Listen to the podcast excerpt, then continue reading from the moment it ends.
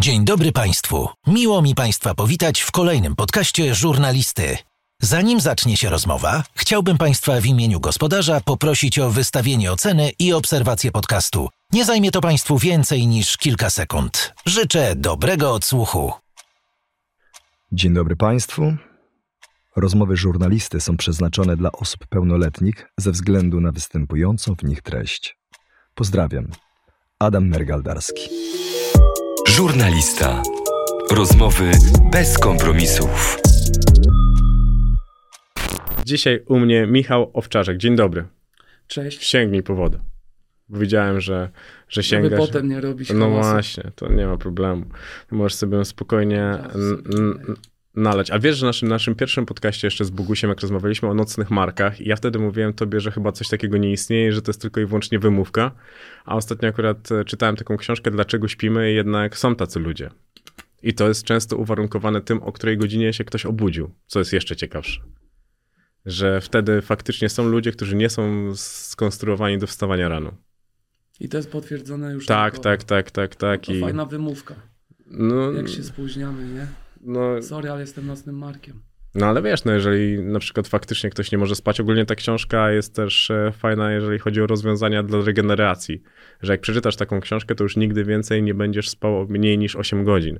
Jeżeli chodzi o sporty, tam e, ten gościu, który napisał tą książkę, jeździ do, do, po wielu klubach NBA Mhm. i tłumaczy, jak mocny wpływ ma sen na kontuzję. Że jeżeli śpisz poniżej 8 godzin, tam powie, po, poniżej typu powiedzmy 7, 6,5, to masz 60% więcej szans na to, że złapiesz kontuzję niż ten, który śpi powyżej 8 godzin. Mhm. Ja nie miałem e, tego pojęcia. Dalej słuchasz Joe Rogana? Czasami, no. Wiesz co, naj, najczęściej na TikToku. Mi wskakuje po prostu Mhm. i są skróty. Tam sobie wyłapuję, ale tak pełnych całych podcastów e, ostatnio nie. Weź jeszcze owca bliżej mikrofon. No. Możesz przesunąć sobie go spokojnie. Tutaj jest kubek, to możesz No. przesunąć również, i, bo Kai zrobiłem tak, że pół twarzy jej nie było Właśnie widać. gadaliśmy sobie o tym TikToku, No. że tam mówiłeś, że hejtowałeś tego TikToka. Dużo osób hejtowało tego TikToka jeszcze rok temu. No, A mocno. teraz zobacz, już ten algorytm tak fajnie podpowiada, że tutaj jakiś wycinek podcastu, tutaj jakaś ciekawostka, o tutaj dupa, żeby utrzymać zasięg i znowu, nie? Ale to zobacz, Ciekawostka, podcast, coś tam, dupa i to jest dobrze zrobione. Tak, to jest bardzo dobrze zrobione, ale też TikTok mocno walczy z tą dupą, kolokwialnie ją nazywając, bo musi być e, przyczyna tego, że tam jest dupa. Musi być plaża, musi być basen. To Mhm. nie jest tak, że na TikToku możesz opublikować zdjęcie w stroju kąpielowym po prostu odbijając się od lustra. To jest trochę jednak inaczej jest skonstruowane. Ja jestem ciekawy, bo wydaje mi się, że będą teraz dwie gałęzie rozwoju internetu. Albo będzie taki feministyczny, że pokazujemy po prostu cycki na zewnątrz i to jest normalne, że jest pełna zgoda, bo mężczyźni mogą, to kobiety też. Albo będzie tak właśnie TikTokowo, że jeżeli chcesz to pokazać, to to musi być jakby konkretny argument, dlaczego to robisz. Ja jestem ciekawy, w którą stronę e, akurat e, to pójdzie, ale masz rację. TikTokowy algorytm wydaje mi się w ogóle chyba, że jest najlepszym no obecnie na rynku, nie? Jakbyśmy mieli tak to zobaczyć. Kiedy ostatni raz jadłeś na kolację parówki, ośmiorniczki zapiekane serem? Myślę, że miałem 13 lat. To był ostatni raz. To kawałek czasu. No. Ponad 15 lat temu. Lubisz wracać do swojego dzieciństwa? Hmm. Teraz sobie myślę, czy często gadamy o dzieciństwie. Na przykład jak nagrywamy albo tam z Kają, jak sobie gadamy, muszę się zastanowić. Mhm. Wraca się czasami faktycznie, ale czy lubię, czy jest to coś, co na, na co nie mogę się doczekać? Chyba nie. No, myślę, że jest niewiele rzeczy, na których Ale nie możesz się doczekać. dzieciństwo. Fajnie wspominam.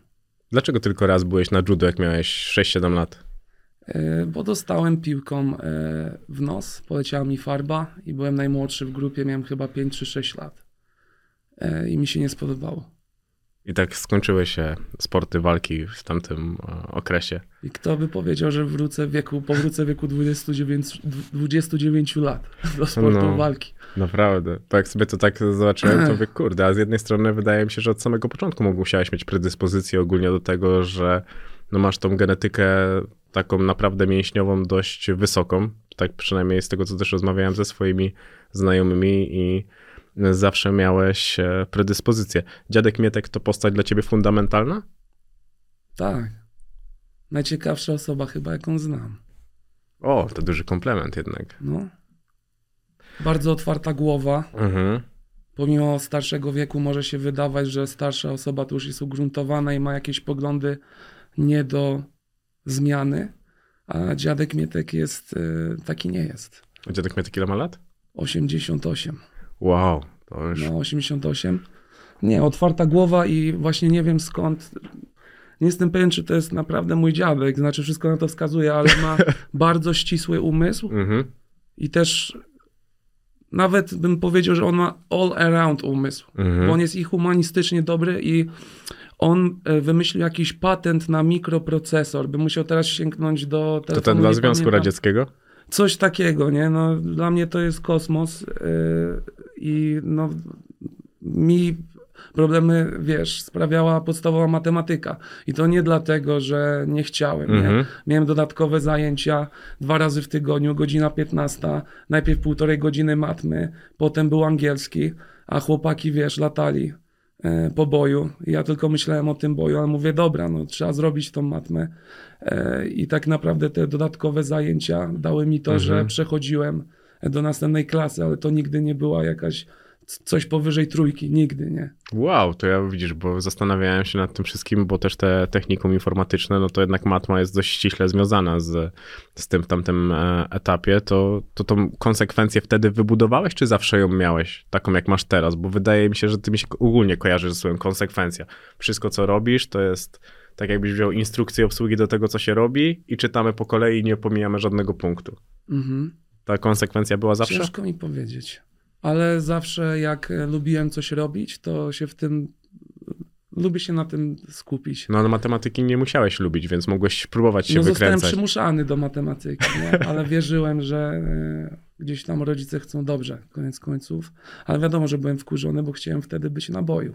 Mhm. I tą konsekwencję przełożyć na boju. No. Niestety trzeba było na matmę. Przez półtorej godziny, a wtedy półtorej godziny to było o wiele dłużej niż teraz. No tak. Ty i dziadek macie wielką potrzebę rozwijania się. To akurat e, wiem od kogoś bliskiego dla ciebie. Ty z dziadkiem byłeś zawsze blisko? Od samego dzieciaka? No bo dzisiaj to brzmi jak to już taka przyjaźń dorosłego gościa z dziadkiem, a zawsze tak było? E, tak, no dziadek mnie nauczył pływać, Mhm. jeździłem z dziadkiem na wakacje. A gdzie jeździłeś na te wakacje z dziadkiem? Pamiętam Mielno, ale nie to słynne Mielno, Mhm. to inne Mielno, spokojniejsze. E, kurczę, jakieś zamki po zamkach. Pamiętam, że dziadek był wkurzony, e, bo jeszcze byłem w takim wieku, że bardziej doceniałem, że w Warszawie są złote tarasy. E, konstrukcje tego Mhm. typu, jakieś futurystyczne, a dziadek się wkurzał, że jakie tam złote tarasy, że zobacz na ten zamek, nie, zobacz na te barokowe jakieś, wiesz, e, budowle i tak dalej. Więc kojarzy mi się, że też właśnie jeździliśmy sobie takie wycieczki krajoznawcze Ale to ty i dziadek w dwójkę? e, i z babcią. Okej. A to byłeś takim wnuczkiem dziadka? Chyba nie, chyba aż tak nie. Okej. Porówno bym dał. Nie, Ba- babci, bab, babcia zawie- z dziadkiem. Babcia z dziadkiem na, na, równi, na równi byli, no. Zapytałem się Kai, do kogo jesteś najbardziej podobny, to ona właśnie wskazała dziadka. Ty też widziałeś zawsze te podobieństwa? No właśnie do dziadka jedyne w czym nie jestem podobny, jakbym miał tak szczerze powiedzieć, to ten umysł ścisły. Ale tak wydaje mi się, że, że jest podobieństwo i do ojca jestem trochę podobny i do ma mamy jestem trochę podobny, E, ale najbardziej myślę, że dziadek gdzieś tam. E, Ten Mhm. dziadek e, w sensie ojciec mojego taty. Mhm. Jakim ty naprawdę byłeś dzieckiem? Lubiłeś, kiedy uwaga skupiała się na tobie? No bo też byłeś jedynakiem, jesteś jedynakiem, to mogło tak być. Mhm. Hmm. Zastanawiam się, jak to było. Mhm. No fajnie było, jak powiedzieć coś śmiesznego w klasie. Ale nie byłem nigdy na przykład takim playboyem, nie? Mhm. Rozchwytywanym chłopakiem, e, że bardziej właśnie robiłem sobie ten sport, ale też byłem takim śmieszkiem. Pamiętam, że e, od czwartej klasy podstawówki do trzeciej gimnazjum miałem nieodpowiednie zachowanie właśnie między innymi dlatego, że nie, że byłem jakimś e, hultajem, tylko Mhm. że no byliśmy takimi urwisami, no ale myślę, że zdrowymi urwisami tam z chłopakami. I pamiętam taki przełom, że tak już e, nie mogli wytrzymać. Mama nie mogła Mhm. wytrzymać wysłuchiwania na tych zebraniach tego, e, że przeszkadzamy w lekcjach i, i, i tam e, wychowawczyni też nie była zachwycona, wiadomo. I w trzeciej klasie był taki przełom, że miałem pierwszy raz poprawne zachowanie. I, to, I pamiętam, że e, to był taki moment, w którym już udało mi się stłumić te takie. No bo po prostu wyciszyli nas, nie? Jakby o, założyli nam filtr. Partnerem żurnalisty jest Engokars.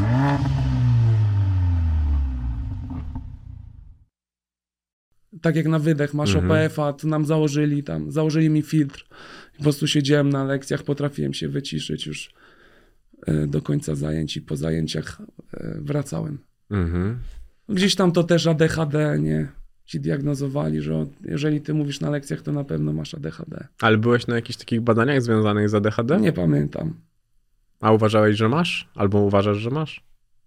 Myślę, że mogę mieć e, ADHD, ale nie uważam, że to coś złego. No i ja też nie, jak najbardziej.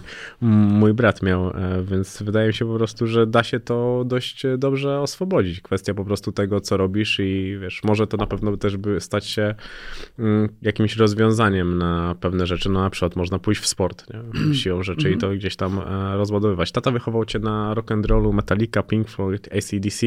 Co byłoby takim soundtrackiem twojego dzieciństwa? Hmm.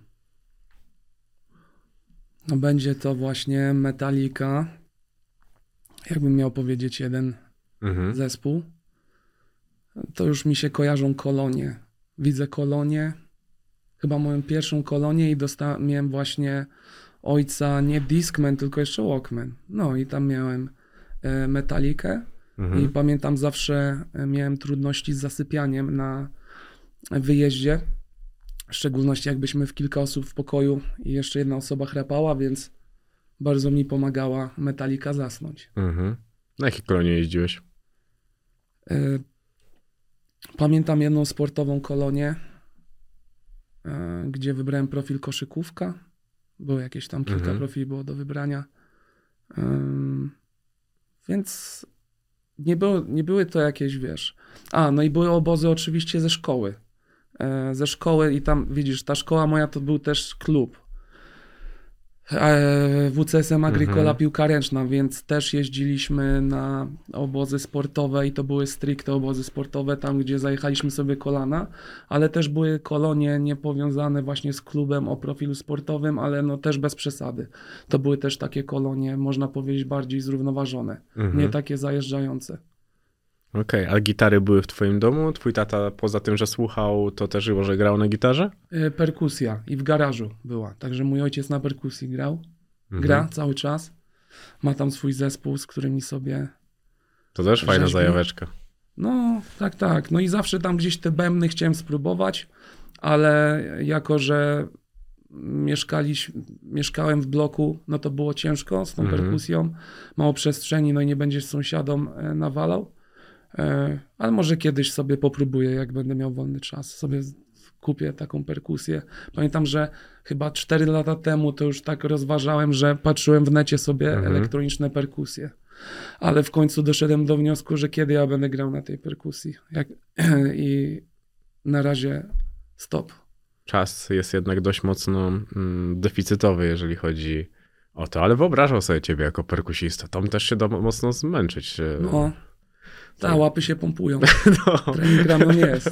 Więc wydaje mi się, Mocno. że żebyś do tego pasował, bo też zastanawiałem się, powiedziałem, że lubiłeś muzykę z GTA Vice City Mm, i myślałem, że może coś e, z tego będzie jednak tym e, soundtrackiem do, do twojego życia. Twoi rodzice się rozstali, jak miałeś 10-11 lat. Ty pamiętasz to jakoś takie mocno... 15 chyba. Okej, to źle, źle się dowiedziałem. 15, no. To, to był jakiś bunt u ciebie? Błąd? Bunt. A bunt? No. Czy to był jakiś błąd? U mnie usłyszałem. Nie no, bunt w tym. E, czy po rozwodzie nastąpił u mnie bunt? Mhm. E, raczej nie. Raczej e, już miałem 15 lat. Kurczę, sam nie wiem, czy to ja miałem 15, czy nie miałem więcej nawet jeszcze, wiesz. Ale pamiętam, że już byłem na, na tyle wykształconym Mhm. humanoidem, że rozumiałem, że tak się dzieje. Po prostu tak się czasami Mhm. dzieje No to, między ludźmi. to byłeś takim dojrzałym dzieciakiem, jednak dużo dzieci tupałoby nogą, mając nawet 15, 16 czy 17 lat i uważałoby, że tak nie, nie ma być. Mhm. Byłeś dojrzałym dzieciakiem? Ciężko jest mi powiedzieć, czy byłem dojrzałym dzieciakiem. Ale jak patrzysz na siebie z przeszłości, to uważasz, że ty byłeś fajnym gościem od samego początku? E, kurczę, no. Ciężkie pytanie, powiedzieć, czy byłem fajnym gościem. No uważam, że, że teraz jakbym patrzył dwunastolatek na trzy- trzydziestolatka owce, no to, że byłby zadowolony z progresu, że, że byłby, e, miałby taką opinię, że spróbowałem takich rzeczy, o których bym nigdy nie pomyślał wtedy. Mhm. A ja bym powiedział, że byłem, tak, no byłem takim fajnym chłopakiem, e, który, no uczysz się życia, nie? Uczysz się tych zasad, uczysz się o co tak naprawdę chodzi w tym życiu, więc nie byłem zły, nie, nigdy nie gnębiłem słabszych. E, Zawsze jak widziałem właśnie taki proceder, że ktoś mocniejszy głębi słabszego, to czułem, że to jest złe, nie? Mhm. Nie wiem na jakich zasadach mam powiedzieć, że, że byłem To- w porządku. Nie? No właśnie to jest, takie... to bardzo fajnie, to już ty mówisz, bo to pokazuje, co dla ciebie jest istotą tego, co jest dobre, a co złe, więc w samej twojej odpowiedzi Mhm. po prostu jest zawarte to, na co ty wtedy spojrzałbyś oczami Mhm. mm, dzisiejszego gościa, bo to mnie zastanawia. Więc ja nie byłem nigdy agresywny, tylko jak sport był, to byłem agresywny. E, I uważam do dziś, że w sporcie fajnie można tą agresję przenieść i wyładować. Mhm. A ty po rozstaniu twoich rodziców zostałeś z tatą? Tak. Jeszcze na chwilę tak, no. No nie, taką chwilę chyba. Czy ile to czasu trwało? No, na, to znaczy, co oznacza, że zostałem statą. Można powiedzieć, że bardziej e, widywałem się statą. Może o tak. Okej. A to w jakich kategoriach? Bo ciężko mi to jakoś zdefiniować, że mieszkałeś pół na Że- pół? Czy, czy Nie, znaczy mieszkałem u ojca, więc Mhm. e, częściej się wid- widywałem z ojcem. Okej, czyli po prostu mama dalej była obecna w twoim e, życiu, tylko Tylko, mieszkałaś że tak. mieszkała gdzie indziej, no. Okej. I dobrze dogadywałeś się z tatą, bo jednak taki dorastający chłopak, no to wiesz, sam jak to wygląda, hormony zaczynają buzować, podobno chociaż to mit, ale, Mhm. ale jednak może to być różnie, no bo mogą pojawiać się pierwsze dziewczyny, imprezy i tak dalej, i tak dalej. Nawet jeżeli nie dookoła ciebie, to dookoła rówieśników. Mhm. E, tak, w porządku. E, się dogadywałem z Mhm. ojcem, w szczególności, że też wiesz, mi, e, mijaliśmy się w kuchni. Często tak naprawdę. Już wieczorem, więc Mhm. nie było tak, że siedzieliśmy ze sobą. To nie trzeba było się o dnia. ciebie martwić. Wiesz, to już było, właśnie ja teraz do końca nie pamiętam, ale y, jak teraz sobie o tym rozmawiamy, to chyba ja byłem nawet, mogłem mieć już, nie wiem, nawet 17 lat, Mhm. Jak moi e, rodzice się rozwiedli, więc dokładnie nie pamiętam. Okej. Czy to było, y, czy to było 17, czy, czy 15, czy 18, ale już pamiętam, że byłem na tyle samodzielny, że byłem na przykład większość, większość czasu poza domem? Okej, bo twoja mama jest pielęgniarką, tata rzeczoznawcą samochodowym, wspierali cię od samego początku w wszystkich zainteresowaniach związanych ze sportem. Oni też hobbystycznie uprawiali jakiś sport, że to tak czuli? E, Mama kiedyś e, chodziła właśnie do szkoły sportowej i tak jak patrzę, to e, właśnie mogę mieć trochę takiego genu, powiedzmy, sprintera po, po mamie. Mhm. Mocne nogi, szybkie nogi mama ma. No, a ojciec tak sportu, wiesz co, z ojcem to w ping-ponga grałem, w badmintona, w nogę trochę pokopałem, jak, by, jak tam byłem mały, ale ojciec nigdy nie był taki e, mocno sportowy. Mhm. A ty miałeś jakiś taki na podwórku wzór, nawet jeżeli chodzi o starszego kumpla czy kogoś, czy ty raczej sam wyznaczałeś sobie szlak tego, co chcesz robić w życiu? E, Myślę, że były takie wzory na podwórku. E, Zawsze gdzieś tam no się inspirowałeś, jak grałeś w piłkę. E, No, patrzyłeś, o ten fajnie, jest szybki, fajnie kontroluje piłkę. chcę być trochę jak on, nie? W połączeniu z tym, co oglądałeś w telewizji. Tak, Mhm. no zawsze była, zawsze była jakaś właśnie, jakiś sportowiec, o którego wiesz, e, na którym się wzorowałeś, nie? Mhm. E, Ale później też nawet nie, nie tylko jeżeli chodzi o umiejętności. No, ja pamiętam, że e, zawsze mi się podobała etyka pracy e, Bryanta, nie? Bo Mhm. o Jordana to jeszcze aż tak się nie otarłem. Nie otarliśmy, myślę, Mhm. we dwójkę, e, bo no co, jak Jordan kończył grać albo miał te swoje lata świetności, to mieliśmy po, po kilka lat, ale Mhm. Bryant jak grał, no to już miałeś te, to byłem już nastolatkiem, no i podobało mi się to, że po prostu, no podobała mi się jego etyka pracy. No nawet e, to, jak mówiłeś jeszcze u nas w podcaście z Bogusiem o tym, że on musiał zrzucić tam ileś przy tym, jak e, właśnie dorastał, czy stawał się po prostu już takim dorosłym zawodnikiem, no widać, że mm, tutaj dużo, dużo z tego wiesz, no i też ta etyka pracy została z tobą chyba na amen, no bo jednak wydaje mi się, że zdajesz sobie sprawę z tego, że w niektórych aspektach jesteś robotem, że jak trzeba zrobić, to po prostu trzeba zrobić. E, Priorytetujesz dość mocno rzeczy, które są mm, do zrobienia i patrzysz na to, jaki będzie z tego wszystkiego efekt, nie opuszczając ani jednej jednostki do samego e, celu. Ty od małego grałeś wyczynowo w piłkę ręczną i wiązałeś z tym sportem przyszłość, kontuzja, zadbała o to, żebyś zaczął chodzić na siłownię. Dobrze znosiłeś to, że to jest koniec i musisz przestać myśleć o wyczynowym, o wyczynowym graniu w piłkę ręczną? E, bardzo źle. E, kurczę, no pamiętam jak dostałem tą diagnozę, ale to to jest ta kontuza, to jest guzowatość kości e, piszczelowej i to jest coś, co jesteś w stanie e, wyleczyć dość łatwo. Wystarczy się nie ruszać przez dwa miesiące, ale być może to nie jest takie łatwe, jak e, masz, wiesz, tam trzynastolatka i ty, to, co najlepiej robisz i to, co uwielbiasz robić, to jest właśnie granie w tą piłkę ręczną. No i nagle wiesz, jak usłyszałeś, że przez dwa miesiące nie możesz nic zrobić, no to kiedyś dwa miesiące to się wydawało, że to, to jest 20 lat, a nie dwa miesiące. Więc y, wiadomo, że jako dzieciak no to było z tym e, bardzo smutno. No i dlatego też nie, zali- nie zaleczyłem tej kontuzji, bo e, trener mi e, kazał przestać grać, a ja i tak e, katowałem to kolano na boju, nie? Ale jeszcze wracając do tego, co tam mówisz o, wyż- o wyrzeczeniach i tak dalej, to ja tak trochę tego e, nie widzę, bo ja po prostu lubię to robić.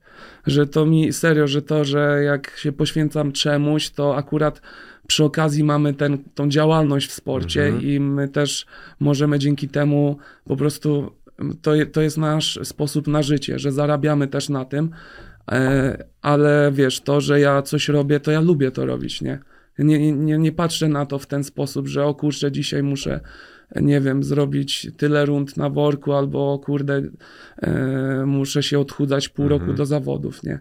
Wiadomo, że są ciężkie momenty, ale to jest właśnie, to jest zabawa w tym, że nie każdy to zrobi i masz to z tyłu gło- głowy, że, że dlatego warto jest to robić też, nie? Mhm. No ale zobacz, no, nawet jak e, rozmawialiśmy za pierwszym razem, też e, rozmawiałeś o słuchaniu audiobooków i tak dalej, no to były rzeczy, do których też w jakiś sposób musiałeś chcieć na początku się schylić, że w samym założeniu wydaje mi się, że to nie było coś takiego, że to jest najbardziej przyjemne na świecie, że będziesz teraz jeździł, nie wiem, autem i w tamtym momencie słuchał audiobooku. Mhm. Że to są też rzeczy jednak, gdzie musiałeś przełamywać pewną barierę, a zaczynałeś to lubić z biegiem czasu. No bo to tak trochę jak z tą siłownią. Ona wyszła przez to, że skończyła się przygoda z piłką ręczną i wyszła z tego siłownia. To nie była taka miłość od samego początku dość e, oczywista. Tak mi się wydaje. I dlatego ja doceniam bardzo to, co ty robisz w perspektywie takiej, że potrafisz po prostu stworzyć sobie przestrzeń na sympatię do czegoś, widząc końcowy efekt, a nie pierwsze kroki w tym. O, to fajnie powiedziałeś. Bo, bo, bo, bo mi o to e, bardzo chodzi. A jeszcze zahaczając o tą piłkę ręczną, bo powiedziałeś coś takiego, że piłka ręczna, jeździłem na zawody międzynarodowe, udało się wygrywać turnieje, zdobywać medale. Jak ty patrzysz na to dzisiaj, to ty miałeś potencjał na naprawdę dobrego zawodnika? No myślę, że mógłbym grać w jakiejś ekstraklasie. Eee, zacznijmy od tego, a czy gdzieś za granicą, no to by...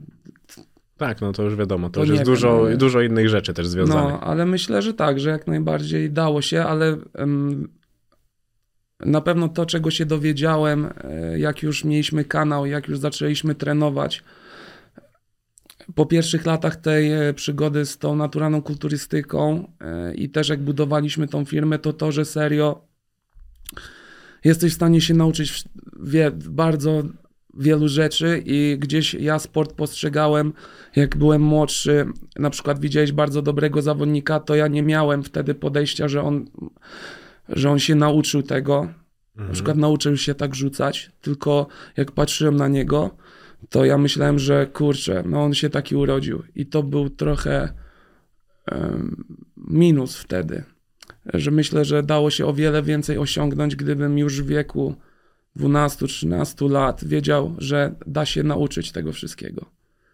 Wiadomo, każdy ma dane predyspozycje, każdy będzie mocniejszy w jakiejś innej dziedzinie.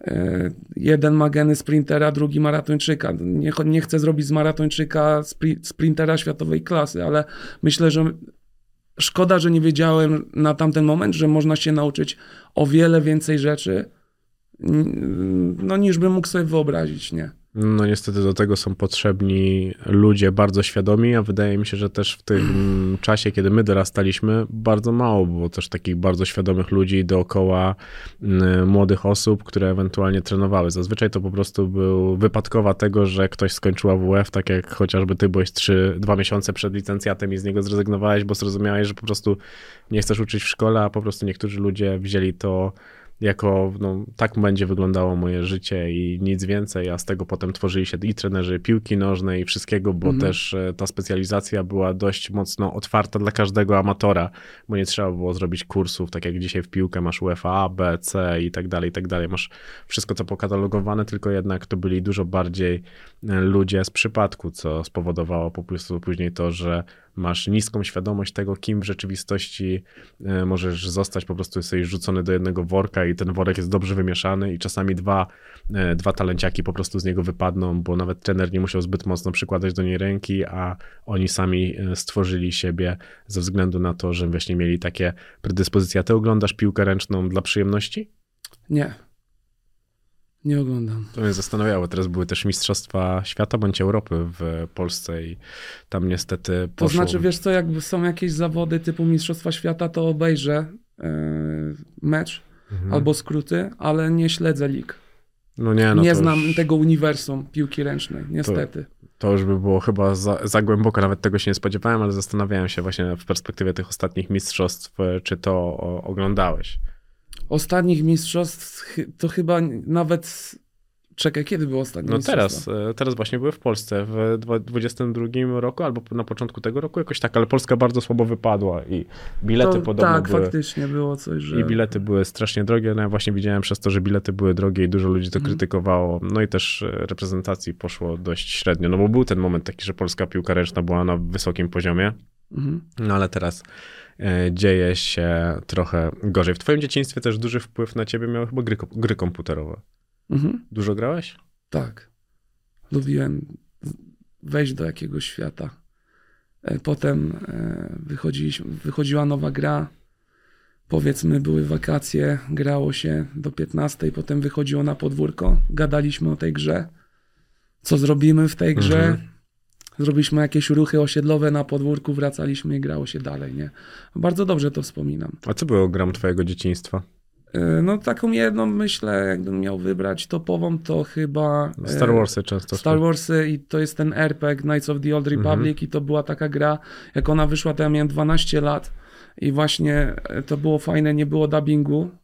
Przynajmniej ja nie miałem tej wersji gry z dubbingiem, no i ta gra opierała się na, na roleplayu, no i na dialogach, na fabule i, i to na pewno mi bardzo dobrze ta gra zrobiła, jeżeli chodzi o język angielski, tam cały czas musiała e, g- głowa myśleć, no i miała motywację, żeby myśleć, bo chciała grać i chciała się dowiadywać, co tam dalej się wydarzy, więc była motywacja, żeby e, myśleć o tym angielskim. Nawet jak nie, jeszcze nie rozumiałem poszczególnych słów, no to musiałeś usiąść i się domyślić z kontekstu, bo na przykład była do rozwiązania jakaś, nie wiem, łamigłówka, no nie wiem, czy grałeś? w Nie, nie, nie grałem, nie grałem. grałeś. Ale coś ale na zasadzie questów, tak? Y, Tak, no więc byłeś zmuszony do tego, żeby ten angielski e, trenować. A grałeś w Strongholdach, Heroesów, e, coś tam jeszcze takiego było? Anno 1602 to była na pewno gra, w którą e, kozacy w międzyczasie. Grałem, ale to nie były e, gry, w których się zatraciłem. Nie w- tego typu gry. A co gra? W jakie gry grałeś tak jeszcze poza tym? Mhm. E, Wiesz co, no na pewno GTA San Andreas. Mhm. Lubiłem bardzo Spidermana 2 na PS2. To była taka pierwsza gra, która e, myślę, że no, zaczęła dyktować, jak mają wyglądać gry z otwartym światem. Nie? I bardzo mi się Mhm. podobało to, bo w ogóle takim jednym z moich ulubionych filmów to jest właśnie Spider-Man ten jedynka Ramiego. 20, początku XXI Tak wieku. jest, bardzo widziałem siebie w tym Spider-Manie, to mi się podobało. E, e, I e, fajnie, fajnie właśnie w tej, w tej grze fajne było to, że można było się pochuśtać po tej sieci i podobało mi się to, że był aspekt symulacji w tym, że to nie było tak jak teraz. Fajne są teraz te gierki ze, Spider ze Spider-Manem też, tylko troszeczkę jesteś prowadzony za rękę, że gra ci nie daje popełnić błędu, a tam było tak, że jak się nie zaczepiłeś o budynek, e, no to przerywało ci to to flow i musiałeś faktycznie skillować to huśtanie się na sieci. Bardzo mi się to podobało wtedy. Mam nadzieję, że teraz wychodzi e, Spider-Man 2 w tym roku na PS5. Mam nadzieję, że zrobią tryb Pro. Mhm. No to, Że będzie ten tryb, ja rozumiem, że korporacja, że dzieci, że oni muszą sprzedać tą grę, że ta gra musi się sprzedawać. Fajnie, zróbcie ten tryb huśtania na Mhm. sieci dla mas, ale też zróbcie ten tryb huśtania dla ludzi, co, co chcą skillować trochę to, to huśtanie się na sieci. A konsolę miałeś od samego początku? Nie. Miałem peceta. Yy, Playa miałem dość późno. Jakoś jak miałem PS2 miałem PS2 jak miałem, nie wiem, z 13 lat. Potem Xbox 360. Potem kupiłem już za swoją kasę dopiero Playa trójkę, czwórkę i tak i teraz Trójka już... to była też już duże, no, duże przejście, nie? Znaczy no, już... Xbox 360 no i PS3. No to do dzisiaj nie było takiego przejścia. Nie? Tak, tak. Chyba. I myślę, że jeszcze długo, długo nie będzie. To tak trochę jak z telefonami, No, że do momentu pojawienia się iPhone'a na rynku, jak wyszedł iPhone 3G, to wtedy był ten, Tak. to, to wtedy była taka duża rewolucja i wydaje mi się, że tak samo jeżeli chodzi o konsolę, takiego przeskoku nie było jeszcze nigdy. A pamiętasz Ale- swojego pierwszego pice- peceta? Pamiętam, 850 MHz, e, 128 MB RAMu, Mhm. mocny RAM jak na tamte No czasy. tak, bardzo mocno. E, I GeForce 2. To też karta mocna. No, Dużo było zintegrowanych wtedy na Celeronie Tak. i tak dalej. Dawała radę, ale pamiętam, że jak e, wyszło Lego, e, Lego Star Wars chyba, bardzo chciałem w to zagrać, a niestety nie mogłem, bo od GeForce'a trójki e, był wspierany dopiero Pixel Shader. To była taka Mhm. magiczna technologia jak na tamte czasy, że e, wiesz, że te kostki Lego, te klocki Lego tak świeciły, nie? Ale jeszcze wracając do tych czasów gamingu, ten rok 2008 ogólnie to był taki specjalny rok dla gamingu i ja się zastanawiam, czy to jest tylko nostalgia. I wydaje mi się, że to nie jest tylko nostalgia, z tego względu, że po pierwsze był ten przeskok technologiczny, że faktycznie z kwadratów Mhm. przeszliśmy do czegoś, co wygląda naprawdę realnie, ale druga kwestia jest taka, że e, te gry, które miały duże budżety, jeszcze nie były e, tak trzymane e, przez ludzi, co nie grają, przez księgowych, rozumiesz? Mhm. I e, przykład GTA 4, nie? jakie miała technologiczne rozwiązania, a jakie już miała GTA 5. E, no GTA 4 miało o wiele lepszą fizykę. E, no teraz bym mógł wymieniać, nie chcę zanudać, e, model jazdy i tak dalej, bardziej taki, który był skierowany na symulację. E, I w tamtych czasach bardziej ryzykowano w wysokobudżetowych grach. Mhm. A teraz po prostu nie mam takiego zapału już do gamingu i się zastanawiam, czy to jest moja wina. Wydaje mi się, że po części wiadomo, że się dojrzewa i tak dalej, i może troszeczkę trudniej jest wejść e, w ten świat, ale wydaje mi się, że coraz więcej gier wygląda tak samo. Bo po, I też się nie dziwię, bo korporacje widzą liczby, wyciągają wnioski, po prostu chcą sprzedawać produkt. Ale jest nadzieja jeszcze w małych twórcach, którzy mogą być wspomagani przez ludzi na różnych platformach. Mhm. Na przykład ostatnio wy, wyszła taka gierka bokserska, Undisputed. No to to jest studio tam kilkuosobowe, zrobiło gierkę i widać, że tam jest, że będzie, będzie się zwracało, oczywiście ta gra jest cały czas w rozwoju, ale się zwraca na szczegóły, e, na jakie by się nie zwracało uwagi już w tych e, grach e, wysokobudżetowych, tak to Mhm. nazwijmy. No bo to jest tak trochę jak z filmem. Masz konstrukcję pewnego rodzaju i wiesz, że ta konstrukcja się sprawdza. Chodzi o to, że masz konstrukcję po prostu tego, że tutaj budujesz napięcie, tu jest po prostu trochę, nazwijmy to dość kolokwialnie, nudy, ale puenta już jest po prostu zaplanowana, nawet jeżeli chodzi, jeszcze ta, nie ma tego historii, ale ta, ta, ten film już ma scenariusz taki po prostu tego, jakie emocje w którym momencie ma pobudz- pobudzać i po prostu każdy wie, że to działa. Ale też duży przeskok był, pamiętasz, jak były Pegasusy i wtedy było PS2 i nawet z GTA 2. Właśnie mnie jeszcze, ja nie znałem tego, moi koledzy mieli Pegasusa, ale bardzo no, mało na Pegasus- nim grałem, No, bo ale nawet tam kontra, y, nie wiem, Kojarzę, Mario, no tak. to potem jak miałeś i tak to PS2 i nagle, wiesz, to wyglądało i tak już dość mocno, No tak. a potem ten przeskok faktycznie na PS3 to było jeszcze taki kolejny e, rozpęd, bo też mi się akurat wydaje, że Pegasus no do PS2 nawet nie mógł, e, w ogóle nawet nie, no nie było opcji, żeby to stało, nie? No to, to byłoby e, absurdalne. Ja pamiętam dobrze GTA 2, bo gdzieś tam na jakimś starym komputerze, który to, to jeszcze dawało radę grać, a potem te GTA 3 to chyba było, tak? Kolejne, czy tam, już nawet nie chyba trójka to była po prostu mm, e, ale po dwójce? GTA. Po dwójce? Mhm. No. No, to była trójka i pamiętam, że wymagania już wtedy były też e, kosmicznie e, mocniejsze. A ty w koszykówkę grałeś tak zawsze, czy to się pojawiło nagle w twoim życiu? E, Jak przestałem grać w klubie wręcz, no i później już mi było, widzisz, i to jest też powód, dla którego myślę, że nie wróciłem do ręcznej, no bo e, wracałem, wracałem na za dużej intensywności, no i wiadomo, że to kolano zaczęło mnie boleć. No bo jak nie grasz i nagle masz kilka treningów w tygodniu, no to będzie, będą cię boleć rzeczy, w szczególności, wiesz, e, odezwą się kontuzje na pierwszym miejscu. Więc jak ja bym wiedział, że da się to zrobić, miał wiedzę, że można powoli wejść w to i miał też e, taką wiarę, że mogę dogonić w umiejętnościach, czy tam wyprzedzić nawet e, swoich rywali, że mogę się Mhm. uczyć tej piłki ręcznej, to by to wyglądało zupełnie inaczej.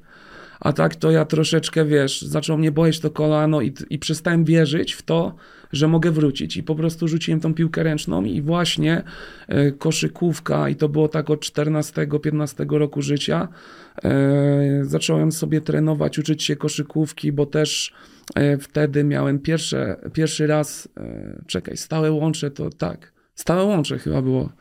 Miałem 14-15 lat i zacząłem oglądać filmiki e, Endwana, e, Mhm. Hoop Mixtape. Pamiętam, był Hot Sauce też taki, który pokazywał e, ten streetball w Mhm. Stanach Zjednoczonych. Bardzo mi się to podobało, no i chodziłem sobie na bojo i grałem w tego Mhm. kosza. Nie, Ale trenować? Trenowałeś też nie gdzieś? trenowałem w klubie, nie, nie, nie, nie. Tylko na boiskach. Ale ten, ciekawe, że ten streetball tak się nie przebił, bo to była bardzo ciekawa rzecz i nie wiem, czy widziałeś dokument e, na Netflixie End One i Nie. jako marka oni wchodzili właśnie w street i jak oni robili to na tych kasetach jeszcze takie właśnie z ulicznych nagrań, jak były te wszystkie uliczne ligi w Stanach, robili takie kompilacje tego, jak to wygląda. Świetna, świetna rzecz, jeżeli To, chodzi o to to. te mixtape oglądałem właśnie w internecie, ale też a propos gier, no to cała seria NBA Street. I kolejna rzecz, której nie, nie wiem, czy za dużo o grach nie rozmawiamy, ale nie wiem dlaczego e, EA nie kontynuuje e, gier z serii Street. E, Była FIFA Mhm. Street, nie wiem, Tak, czy tak, pamiętasz. tak, tak, no NBA Street. To były tak kreatywne, PS, tak ten, Jezus, grywalne Jak to się gry. nazywało? E, PSP, o właśnie, na PSP to Też. też bardzo mocno popularne w tamtym No, okresie. To Naprawdę fajna seria gier. Nie wiem, czemu nie kontynuują tego. Mają swoje powody na pewno. No to chyba trochę odpowiedziałeś już wcześniej tym, że to No. są korporacje, które po prostu muszą sprzedawać i jeżeli Właśnie. w jakaś gra się nie kalkuluje w Excelu, to po prostu z, zjeżdża w dół. Już nie myśli się o tym, że nie wiem, może marketingowo w jakikolwiek sposób dociągać niektóre rzeczy, tylko nie sprzedajesz dzięki, cześć. I, Tylko NBA Street się sprzedawało bardzo dobrze. i no To pytanie, jest, ile to kosztowało. ciekawe. Właśnie. Właśnie, bo te, te licencje jednak to jest e, coś, ale śledzisz teraz na przykład Jeremiego Sochana?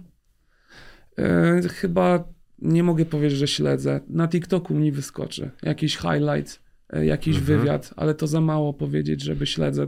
Ogólnie przestałem tak śledzić NBA od jakiegoś czasu, to bardziej soccer u nas. On zarywa nocki, ogląda mecze, ma League Passa kupionego, więc on jest na czasie cały czas. Okej, ja uważam, że to będzie gościu, który może taką naprawdę zrobić karierę, bo ma i wizerunek, i charakter, temperament, te wszystkie takie predyspozycje do tego, żeby nawet jeżeli jesteś średnim zawodnikiem, to być takim zawodnikiem, który faktycznie wyodrębnia się z tłumu. A jakie ty masz marzenia, których już nie spełnisz?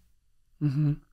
No to jednym z takich marzeń to jest e, bycie e, zawodnikiem dla jakiegoś profesjonalnego klubu. Dajmy na to piłka ręczna, e, piłka nożna. Myślę, że to było takie moje top jeden marzenie z dzieciństwa. To piłka nożna jednak też była, bo tak wiesz, mówiliśmy o koszykówce, mówiliśmy o piłce No. ręcznej, ale piłki nożnej jakoś tak y, nie, nie, nie jest gdzieś blisko obok ciebie, obok twojej historii.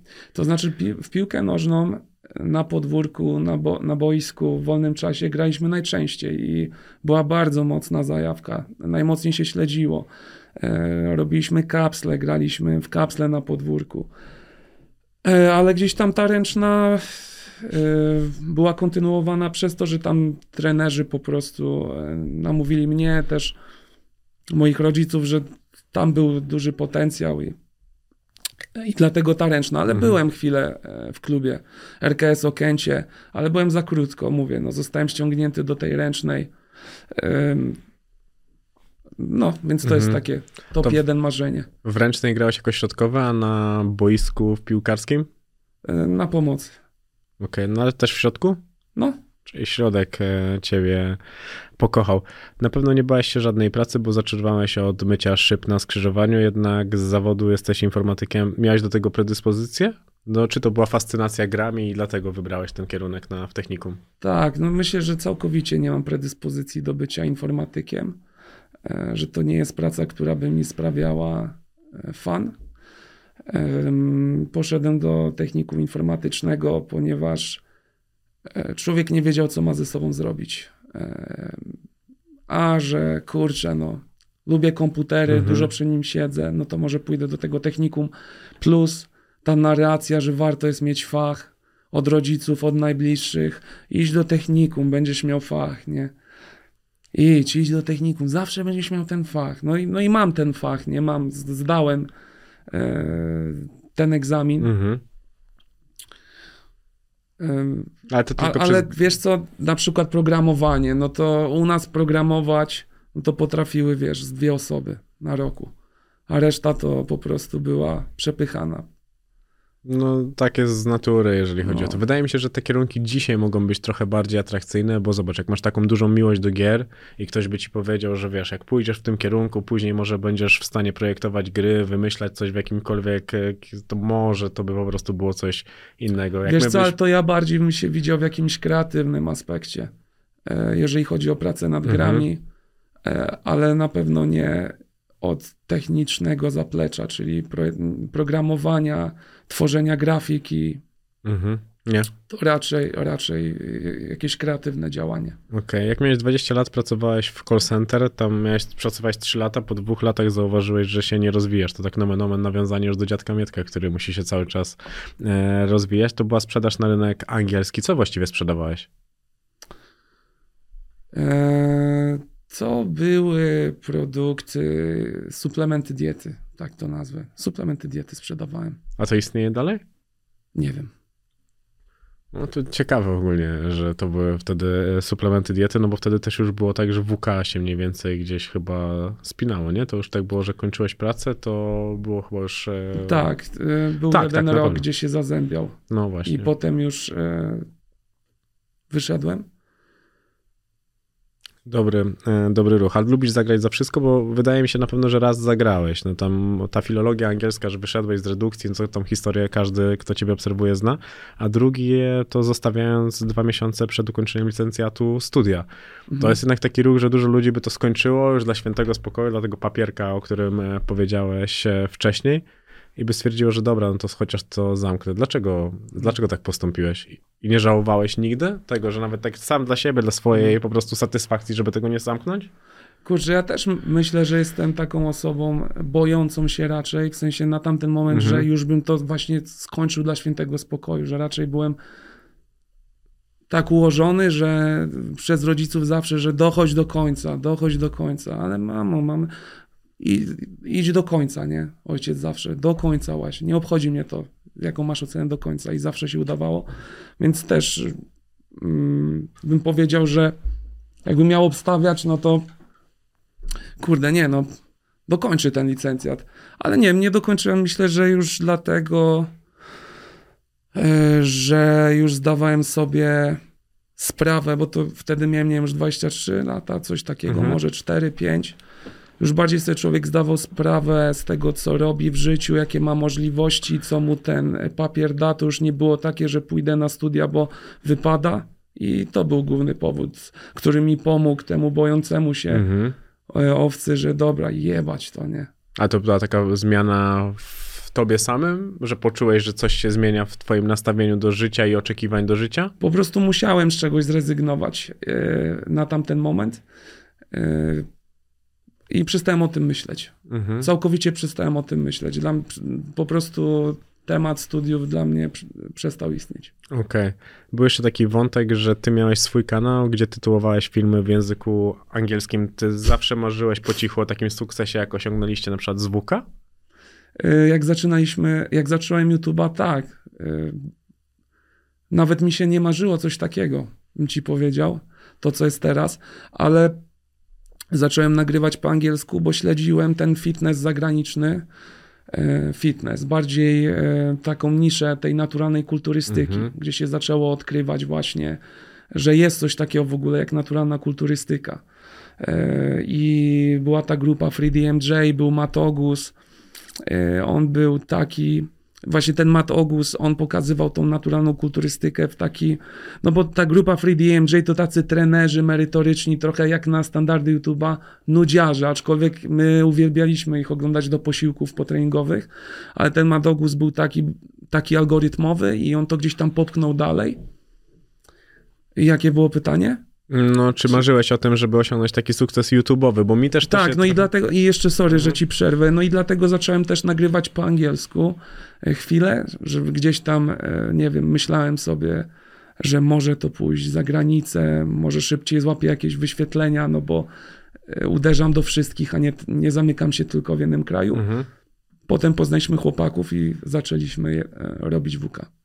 Okej, bo, bo to jest e, też taki ciekawy wątek, nawet na to, że ty oglądałeś bardzo dużo rzeczy. Jak rozmawialiśmy o tych składankach Zenduana, jak mówiłeś o tym, e, o tym całym, całym, było widać, że internet był taki dość mocno wrośnięty w twoje życie i dorastanie, że to jednak było całkiem, e, całkiem spójne, dlatego wydawało mi się to zupełnie naturalne i w tamtym okresie, powiedzmy, tak górnolotnie nazywając to, żeby mieć marzenie, żeby być youtuberem, to byłeś dość mocnym pionierem w, tym, w tej całej zabawie. Ale właśnie to się nie marzyło o tym, żeby być youtuberem, nie? No wiem, wiem. To- to Dzisiaj bardziej- możemy tak to nazwać, no, wtedy nie. Bardziej chodziło o to, żeby e, ży- mieć taką jakość życia dzięki e, temu, że robię sport. No W ogóle głównej mierze. Ciężko nawet właśnie to określić, nie? Kimś wtedy się chciało być, jak, jakby, jak to zdefiniować. No bo okej, YouTube istniał, ale tych ludzi, no to było, no, no, można powiedzieć nawet, że nie było, bo oglądałeś coś jeszcze na polskim YouTubie? Na polskim tak. Mhm. Kurczę, tylko to było tak dawno temu. No to było takie podwórko, że wchodziłeś i co każdy. Nie było tak, że teraz wiesz, dowiadujesz się o jakimś twórcy, który ma milion subów i nigdy o nim nie no, słyszałeś, wiadomo, nie? To było podwórko, wiesz, no były jakieś te scenkowe. i To nawet nie mówię jeszcze y, o Abstra, jeszcze wcześniej były jakieś takie scenkowe, nie pamiętam, kurczę, jak się nazywali ci ludzie. Ale były takie twarze, pojedyncze twarze, co mieli swoje kanały, jakieś śmieszne rzeczy mówili, nagrywali. Pokroju niekryty krytyk. Mhm. A no właśnie. Zobacz, on też, No. e, on też był dłu- od dawna, tak naprawdę. Nie wiem, czy on jeszcze żyje internetowo, czy, Nie wiem też. czy, nie, czy, czy nie żyje. No bo nie, no. To był duży taki, duża część właśnie, bo już gadaliśmy o grach, gadaliśmy o sporcie, ale jednak nocki mogłeś zarywać, oglądając i szukając e, różnych rzeczy w internecie. Jeszcze w Mhm. ogóle w takim raczkującym internecie, bo on nadal był jednak dość podstawowy. Mhm. No, e, dużo się nauczyłem z internetu, nie? Praktycznie cały temat kulturystyki to jest z, z, z YouTube'a, nie? To jest zajebiste. No, I teraz w ogóle czegokolwiek nie chcesz się nauczyć, możesz, można się wszystkiego nauczyć. Tylko trzeba właśnie wierzyć w to, że możesz się nauczyć. Że jak widzisz Cristiano Ronaldo, to mu trzeba sobie wybić z głowy, że on się urodził z tym, że tak drybluje, nie? Wiadomo, że jak jest osoba, która no nie, nie ma naturalnie takich predyspozycji szybkościowych, a to nawet wtedy może, może to robić troszeczkę wolniej, Mhm. ale koordynacji możesz się nauczyć, nie? Tylko zajmie ci to trochę dłużej czasu, ale możesz się nauczyć tego, co robi Cristiano Ronaldo. To, to jest, mi się wydaje, taki przełom, przełom w moim życiu, nie wiem, i to dopiero zaczęło być stosunkowo późno, że zacząłem wierzyć w siebie dopiero jak to WK zaczęło powstawać, że zaczęło się odkrywać, że da się rzeczy nauczyć, nie? Ale to mm, zmieniło to w tobie na tyle, że nie wiem, zmieniała się twoja struktura ciała, zacząłeś po prostu rosnąć, podnosić, to po, podniosło to z automatu twoją e, taką samoocenę? Tak, no to, co mówisz. Okej, no bo to Musi mnie zastanawia. No tak, no teoretycznie tak, ale zastanawiam po prostu do jakiego, do jakiego poziomu to podnosi, no bo to się wydaje wszystko zawsze oczywiste, tylko za tym, co mówisz, stoi poświęcenie i dużo ludzi po prostu nie byłoby w stanie tak mocno się poświęcić jak Cristiano Ronaldo do, po to, żeby osiągnąć ten sukces. To, Pytanie, czy chcesz? no właśnie, to jest, to jest bardzo prosta rzecz ogólnie, to nie jest nic wielkiego i skomplikowanego, to już jest kwestia tylko i wyłącznie poświęcenia i tego, jak dużo czasu będziesz w stanie wy, wygospodarować, nie? no bo wiadomo, że y, musisz No. mieć jakieś tak y, całkiem zdrowe proporcje tego, Ale żeby myślę, że takiego. Cristiano to, to nie jest poświęcenie. Tak. On se wychodził i tak lubił to robić, że po prostu to jest gdzieś tam wypadkowa, że on tak drybluje, nie? Nawet tego pewnie nie widzi przez pryzmat poświęcenia, nie? I Mhm. to jest właśnie ten aspekt rzutu kości, nie? Że on przy okazji lubił to robić i przy okazji jest najlepszym influencerem na świecie i przy okazji utrzymuje się z tego, nie? I nie każdy e, po prostu będzie w takim położeniu, że będzie mógł robić to, co lubi i równocześnie utrzymywać się z tego. No, czasami trzeba, większość ludzi chyba będzie musiało robić rzeczy, których nie lubi. Tak jest ten system ułożony, ale już są takie czasy w sumie, że kurczę, no rynek pracy jest tak otwarty, że da się chyba dostosować do swoich zainteresowań i, rzeźby, i rzeźbić bardziej w tym, co się lubi. Teraz jak się nad tym zastanowiłem trochę. Kwestia jest tego, ile bardziej. też się ma odwagi do podjęcia po prostu takiego, takiej decyzji, bo na pewno to nie jest decyzja tak bardzo popularna, nie? że musisz po prostu zrozumieć, że na samym początku może być e, ciężko, a druga sprawa jest taka, że nie każdy musi być takiej jakości jak Cristiano Ronaldo. Można być 10 razy słabszym, a nadal fenomenalnym piłkarzem. To jest tak, jak ty Mhm. powiedziałeś o piłce ręcznej, że ekstraklasa w Polsce, a potem dopiero można by było zacząć coś innego, to tak samo jest e, z każdym innym marzeniem Dokładnie. zaczynamy od bycia najlepszym na swoim podwórku i ogólnie bycia na swoim podwórku, a później zobaczymy, jakie los otworzy nam drzwi, z czy- jakich szans będziemy mogli e, skorzystać. To jest tylko i wyłącznie kwestia tego, że jak zaczniemy trenować tak ciężko jak Cristiano Ronaldo, to nasze najlepsze rzeczy po prostu się wyodrębnią, bo nagle Mhm. zobaczymy, że jeżeli, nie wiem, nie jesteśmy najlepsi w driblingu, no to może jednak mamy dużo lepszy strzał, tak już e, idąc po prostu w tym kierunku e, piłki nożnej. To schodzi o czas, dlatego ja bardzo doceniam takich ludzi jak ty, którzy właśnie tym są w stanie wygospodarować sobie ten czas, stworzyć jakąś strukturę myśli, za którą podążają i z bodźce zewnętrzne po prostu im nie przeszkadzają, a po prostu dążą do tego, niezależnie jaka jest e, droga i jak e, ona jest, może być e, wyklejona. Ale z takich rzeczy lifestyle'owych Pączek powiedział, że kiedyś sporo chodziłeś na miasto. Potwierdzasz tę informację, czy zaprzeczasz? Potwierdzam. Gdzie się bawiłeś w Warszawie? Eee, I jaki uśmiech. Bo bardzo dobrze wspominam te czasy. No to zaczynamy od moich rejonów Ochota, Mhm. Albo bardziej Pola Mokotowskie. Tam był klub Fresh, często odwiedzałem klub Fresh. E, To od razu zaznaczę, że to był taki epizod powiedz, powiedzmy od 17 do 20, 21 roku życia. To można powiedzieć takie 3-4 lata, gdzie nie, że byłem jakimś nałogowym imprezowiczem, ale lubiłem sobie wyjść na miasto, bo siłą rzeczy miałem znajomych, którzy lubili wyjść na miasto. E, Czy chciałem w tam, e, czy chciałem, nie wiem, grać w piłkę w tamtym momencie? E, Gdy miał towarzystwo, które bardziej chciało grać w piłkę w tamtym momencie, to myślę, że byłbym bardziej też zadowolony z Mhm. grania w piłkę w tym momencie. Tylko po prostu nie miałem takiego towarzystwa i myślę, że to jest też gdzieś tam naturalne, że się chciało odkrywać to życie dorosłe. No i też lubisz ludzi. Tak, wydaje mi się, że jesteś gościem, który jest naprawdę towarzyski. E, Kurczę, wiesz co, na pewno jak poznaję, nie lubię poznawać nowych ludzi aż tak, wydaje mi się, Mhm. ale jak już y, poznam, to lubię ludzi. No bo nawet zastanawiałem się, na ile właśnie jesteś wybuchowy, co cię wyprowadza z równowagi. Są takie rzeczy? E, wiesz co, kiedyś bardziej. Myślę, że to się zmienia, że jestem coraz mniej wybuchowy. A kiedyś co cię wyprowadzało z równowagi? Em, co mnie wyprowadzało z równowagi? Dobre pytanie. Mm, brak, na przykład brak e, jakiegoś kompromisu. Taki całkowity Mhm. brak kompromisu. Taka zero-jedynkowość. Tak, A ty nie byłeś nigdy zero-jedynkowy? nie. Musiałeś być rzeczywiście dobrze wychowany, bo jednak kiedy jest się młodym człowiekiem, zazwyczaj się widzi albo czarne, albo białe. Mhm. Bo to są takie najprostsze kolory do dostrzeżenia przez młodego człowieka. Albo coś jest dobre, albo coś jest złe, albo jesteś z nami, albo jesteś przeciwko e, nam. Widziałem też e, taką historię, jak już e, wspomnieliśmy o melanżowaniu, że takiego Jagera z Monsterem, bo wiem, że jesteś fanem Monstera, do stworzenia własnego energetyka. Mieszaliście już e, swojego energola z wodą? Jeszcze nie. Naprawdę? Jeszcze nie. Wiesz co, nie Monstera, tylko kiedyś jak szło się na Bifora, to szło się do kasyna e, i tam brało się Red Bulla właśnie z Mhm. alkoholem. Red Bulla z wódką e, i to było tam darmowe. Rzucałeś do maszyny dychę, Mhm. Kręciłeś, kręciłeś godzinę i szedłeś do baru, mówiłeś do pani, że poproszę Red Bulla z wódką i dostawałeś, nie? Za darmo i potem się wychodziło i szło do 7-0 po drugiej stronie ulicy. E, Klub z muzyką z lat Mhm. 70., 80. Nie wiem, czy byłeś. Nie byłem, nie byłem. No.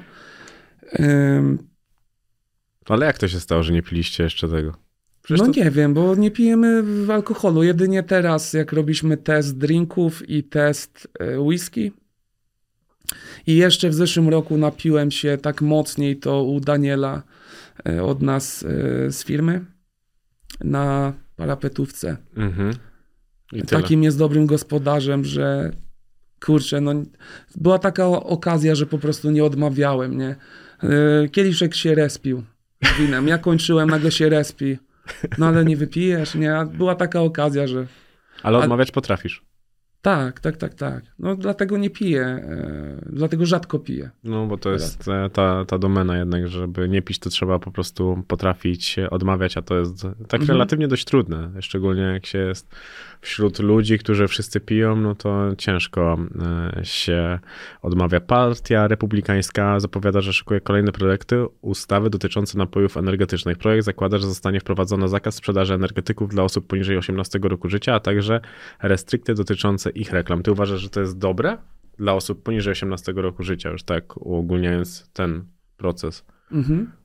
E, Myślę, że to będzie dobre dla osób, które mają, dla dzieci, Mhm. które mają 10 lat, 12 lat i sięgają po e, mocne energetyki, żeby jednak e, tego nie robiły. Mhm, No bo ja widziałem nawet e, film u was na kanale o tym, jak właśnie jeden z was, nie pamiętam już teraz e, kompletnie który, ale opowiadał o tym, jak i to ma wpływ i ile realnie trzeba było wypić i jak przez wiele lat, żeby to faktycznie e, było szkodliwe dla dorosłego człowieka, ale z dziećmi to się miało jednak mm, trochę inaczej. Masa zastan- ciała, nie? No. Dziecka po prostu to jest ten e, czynnik, który Mhm. determinuje, dlaczego, dlaczego takie dziecko nie powinno po prostu się bodźcować e, taką ilością kofeiny. Ale to też jest, wiesz, zrozumienie, że energetyk, ja na przykład kiedyś myślałem, że energetyk to jest jakiś napój, e, jakaś mikstura, Mhm. która za pomocą której mogę uszkodzić na przykład e, swoje, nie wiem, narządy wewnętrzne, nie. Cały czas jest chyba gdzieś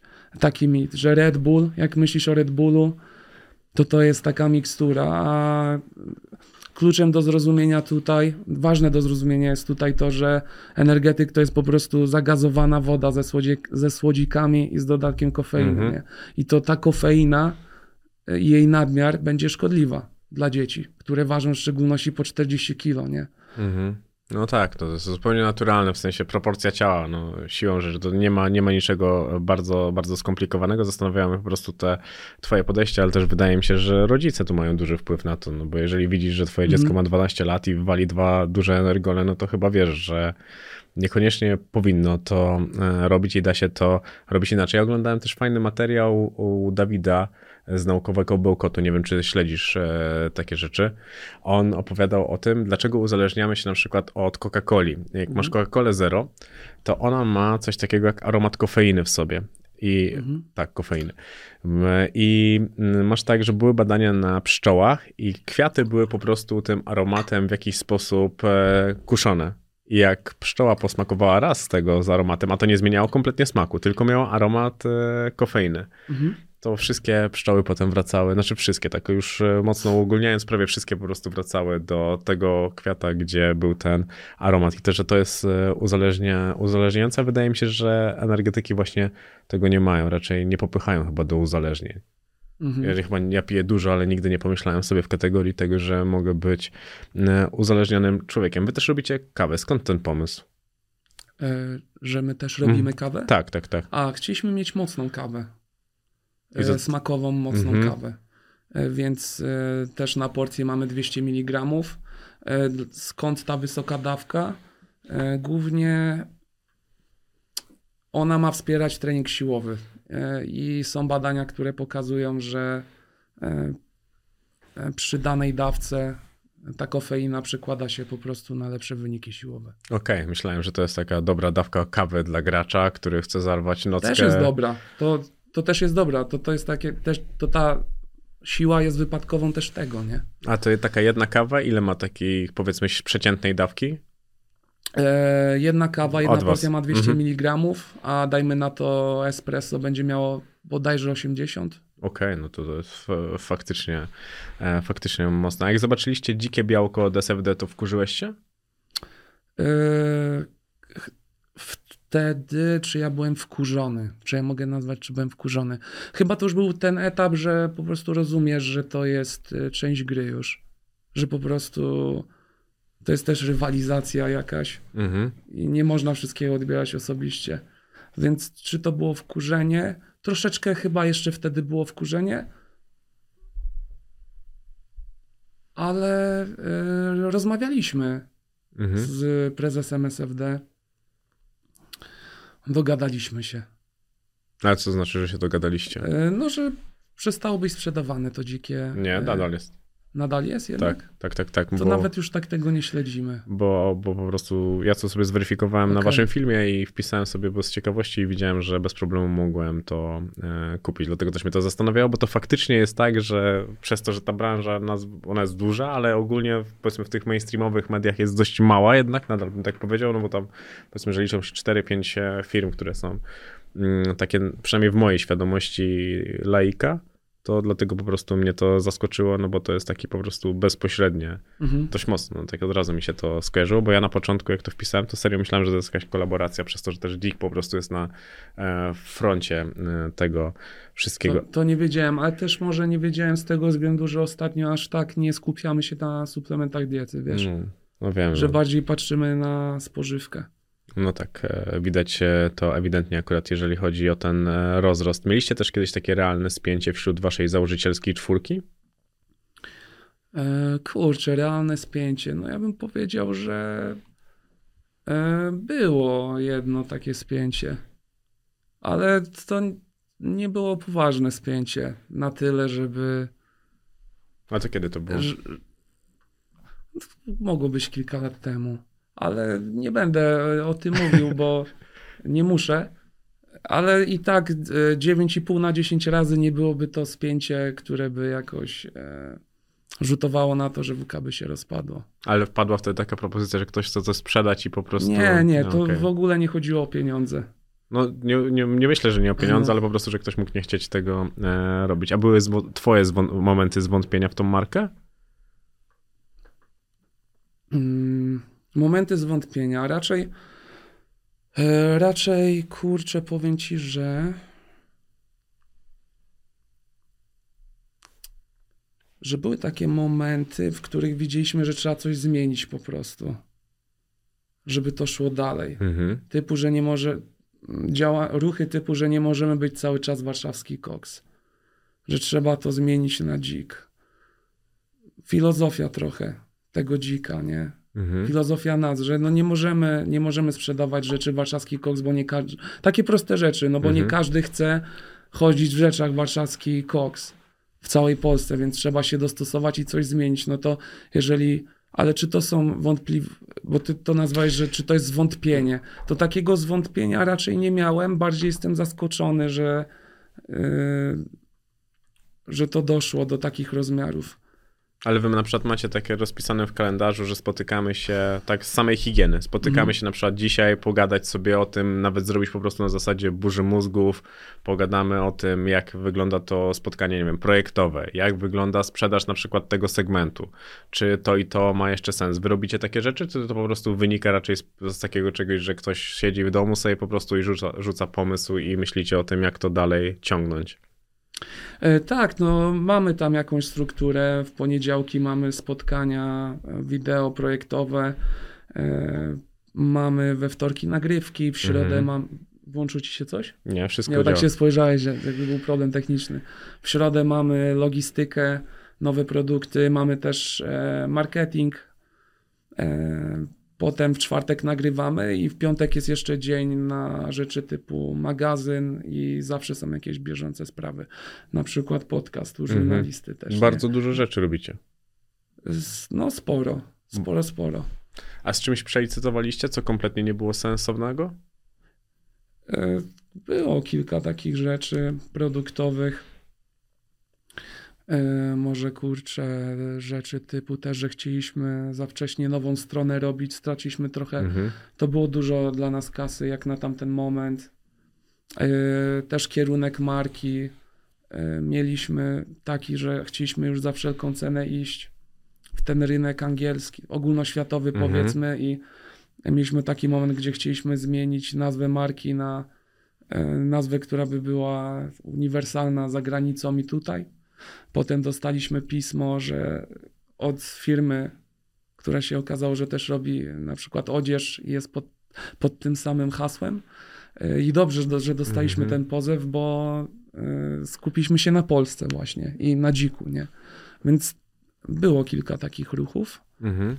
Ale no widzisz, gdyby nie te ruchy, no to można powiedzieć już w takim oklepanym stylu, że nie bylibyśmy tutaj, nie? Z tym, co mamy. No jasne, że tak, bo te moje pytania nie wynikają z tego, że ja chcę ci powiedzieć, a kiedy się wywaliliście na mordę, tylko bardziej pokazać tą perspektywę tego właśnie, o czym powiedzieliśmy o tej konsekwencji, nie? że konsekwencja jest właśnie pomimo tego, a nie dlatego, że idzie dobrze. Tak. I w ogóle te błędy, fajne jest to teraz, że e, jesteśmy bardziej ostrożni i jak chcemy z czymś wyjść, no to się jeszcze zastanowimy, zastanowimy trzy razy, czy chcemy z czymś Mhm. wychodzić i rezygnujemy z większej ilości rzeczy, e, niż to miało się 5 lat temu, powiedzmy, nie? Mhm. No bo też kiedyś musisz za, za jakby zaspokajać, powiedzmy, te takie swoje marzenia o niektórych rzeczach, żeby to wszystko było wielkie, a później po prostu masz już tą wiedzę, że wiesz, że czasami po prostu coś możesz robić zupełnie inaczej i nie musi to po prostu mm, być takie nadmuchane jak e, ego, nie? I Tylko nie zrobisz dobrze tych wszystkich rzeczy, nie? dokładnie. Wszystkiego się dobrze nie zrobi, więc trzeba się skupić na... A nauczyły, na, nauczyłeś się ty i wy jako grupa ufać innym ludziom w E, pracy? Tak, Bo to też jest trudne, kiedy oddajesz takie swoje dziecko do zarządzania komuś, nawet jeżeli chodzi o marketing czy o różne inne rzeczy, albo po prostu posłuchanie tego, że ktoś powie wam, no to bez sensu. Mhm. No akurat y, jak zaczynaliśmy, y, no to wszyscy byliśmy w jednym pomieszczeniu. Y, Mówię o tej starej kadrze, Mhm. więc no my jesteśmy tak naprawdę ekipą, nie? Mhm. No jest nasza czwórka, ekipa WK, ale jest ten zespół kilkunastu osób, który jest tak samo ekipą, więc to ci z automatu ułatwia, że znasz tych ludzi na wylot, można Mhm. powiedzieć, więc łatwiej jest im też zaufać. Ciężej też jest czasami gadać o nieprzyjemnych rzeczach też w pracy, no bo Mhm. wiadomo, że czasami e, nie jesteśmy z czegoś zadowoleni i trzeba wtedy no powiedzieć, że to mi się nie podoba i wtedy takiej osobie, którą znasz, ciężej jest to powiedzieć, no bo nie chcesz jej personalnie urazić, tylko to ma się do pracy tylko i wyłącznie, ale teraz zatrudniamy coraz więcej osób z zewnątrz e, z jakimś e, bagażem doświadczeń, które wynoszą z większych firm e, i widzimy, że to też przynosi fajne rezultaty. A już ta stara kadra, no to to jest stara kadra, która pozostała i no jest, Mhm. tam jest, no nie wiem, kilkanaście osób. Nie? I kto pracuje najdłużej z wami? Jest taka jedna osoba, która jest naprawdę bardzo, bardzo długo? Nie chcę nikogo pominąć, ja mam dziurawą głowę do takich rzeczy, ale na pewno e, na magazynie to jest e, Milan. E, Pozdrawiam, reproduktor Krzysiek Milewski. No jest Damian Deja, czyli typ od marketingu znany w socialach. Kurde, no Ale o ile oni mniej więcej pracują? Dziewczyny. E, Ile, oni mniej, ile mniej więcej czasu oni pracują? Mm, Myślę, że 9 lat, 8 lat. Wow, to tak naprawdę dużo. No. Wow, to jest tak naprawdę, to tak realnie oni widzą tak, jak to rośnie w rzeczywistości. To... Tak, Jarek, Łosiu, pozdro Łosiu. E, Daniel dołączył trochę później. E, No dziewczyny. e, Koryna u nas pracuje też. e, Kurczę, od kiedy jest Koryna z Pączkiem? No odkąd jest praktycznie z Pączkiem, nie? Trochę, trochę naprawdę. No dziewczyny Natalia pracowała, Gata, no, no, no jest ekipa kilkunastu osób, no. Nie Mhm. chcę nikogo pominąć. A właśnie jako szef albo szefowie jesteście kumplami? W sensie. z Takiej relacyjnej, no? Czy jednak staracie się zachować ten dystans już dla nowych pracowników w perspektywie tego, co powiedziałeś, że trudne słowa jest dużo ciężej przekazać komuś, kogo w rzeczywistości bardzo dobrze znasz? Yy, Kurczę, myślę, że jest tyle właśnie e, rzeczy do zrobienia, że nie da się ze wszystkimi wejść na ten sam poziom znajomości, nawet jakbyś chciał. Mhm. No. To już nie, nie zrobisz tego. Ale mamy, mieliśmy ostatnio dziesięciolecie firmowe, no to byli wszyscy, nie? Fajnie było. To można poznać bardziej tych ludzi, ale no już jak jest y, 40 osób, Mhm. ciężko, żeby wejść na taki poziom. Ale myślę, że to też by nie pomagało, nie? Mhm. No, mi, no ja, ja jestem przekonany, żeby to nie pomagało, a szczególnie kiedy, wiesz, jesteś, prowadzisz powiedzmy taki biznes wizerunkowy, jesteś na YouTubie, jesteś śmieszkiem, to niestety ludzie bardzo szybko skracają ten dystans i ten dystans niestety skraca się do tego, że się trochę nie ma szacunku, że to już się wtedy zaciera i jest to tak e, w każdej, w każdej branży. Mateusz Kaniowski jest jedną z największych e, waszych współprac, ambasadorów, nie wiem jak to e, określać. To prawda, że jego kontrakt jest większy niż 30 tysięcy miesięcznie? Nie potwierdzam, nie zaprzeczam. I to nie ze względu na to, że nie chciałbym słuchaczom powiedzieć o tym. Mhm. E, Po pierwsze, kurczę, tutaj jest w równaniu Mateusz Kaniowski. Ja nie wiem, czy on chce, Mhm. żebym ja to powiedział. E, I po drugie, to jest też taka informacja, która e, w tej grze biznesowej jest dość strategiczną informacją. Wiem, tak A my tylko. chcemy wygrać grę. A macie z kim się szarpać akurat, No. jeżeli chodzi o zwycięstwo. I wydaje mi się tutaj, że ta siła się przyda. Rozmawialiśmy o tym twoim całym zainteresowaniu internetem, y, YouTube'em i tak dalej. Dzisiaj też mocno w tym siedzisz? E, W e, YouTubie. Czy siedzę w Tak, YouTubie? czy oglądasz, Mniej. śledzisz, co jest popularne. Mniej, mniej, mniej, ale e, gdzieś tam na tym podwórku naszym staramy się być tym freakowym. Mhm. Więc myślę najbardziej te freaki e, śledzimy.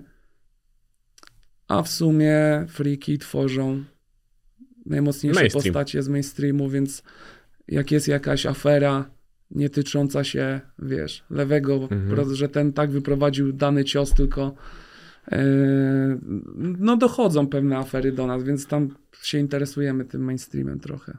A jak widzisz rozwój YouTube'a? Wydaje mi się, że też masz dużo, duży przekrój wiedzy, patrząc na to, jak to wyglądało kiedyś, jak wygląda dzisiaj. Masz jakąś taką swoją wizję tego, jak może to wyglądać? Mhm. Oj, bym musiał się nad tym zastanowić, a ostatnio się nad tym nie zastanawiałem, ale no powiem ci tak, że coraz więcej widzę profesjonalnych formatów, właśnie jest coraz więcej ludzi w tych formatach, no te formaty typu Gen Z, nie? Mhm.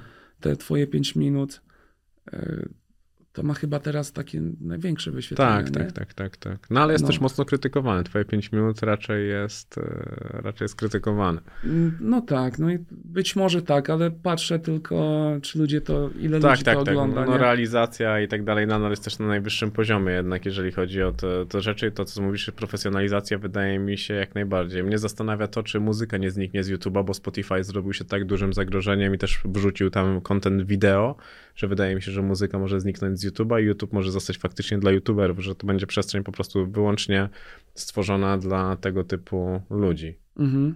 To wydaje mi się, że to jest możliwe.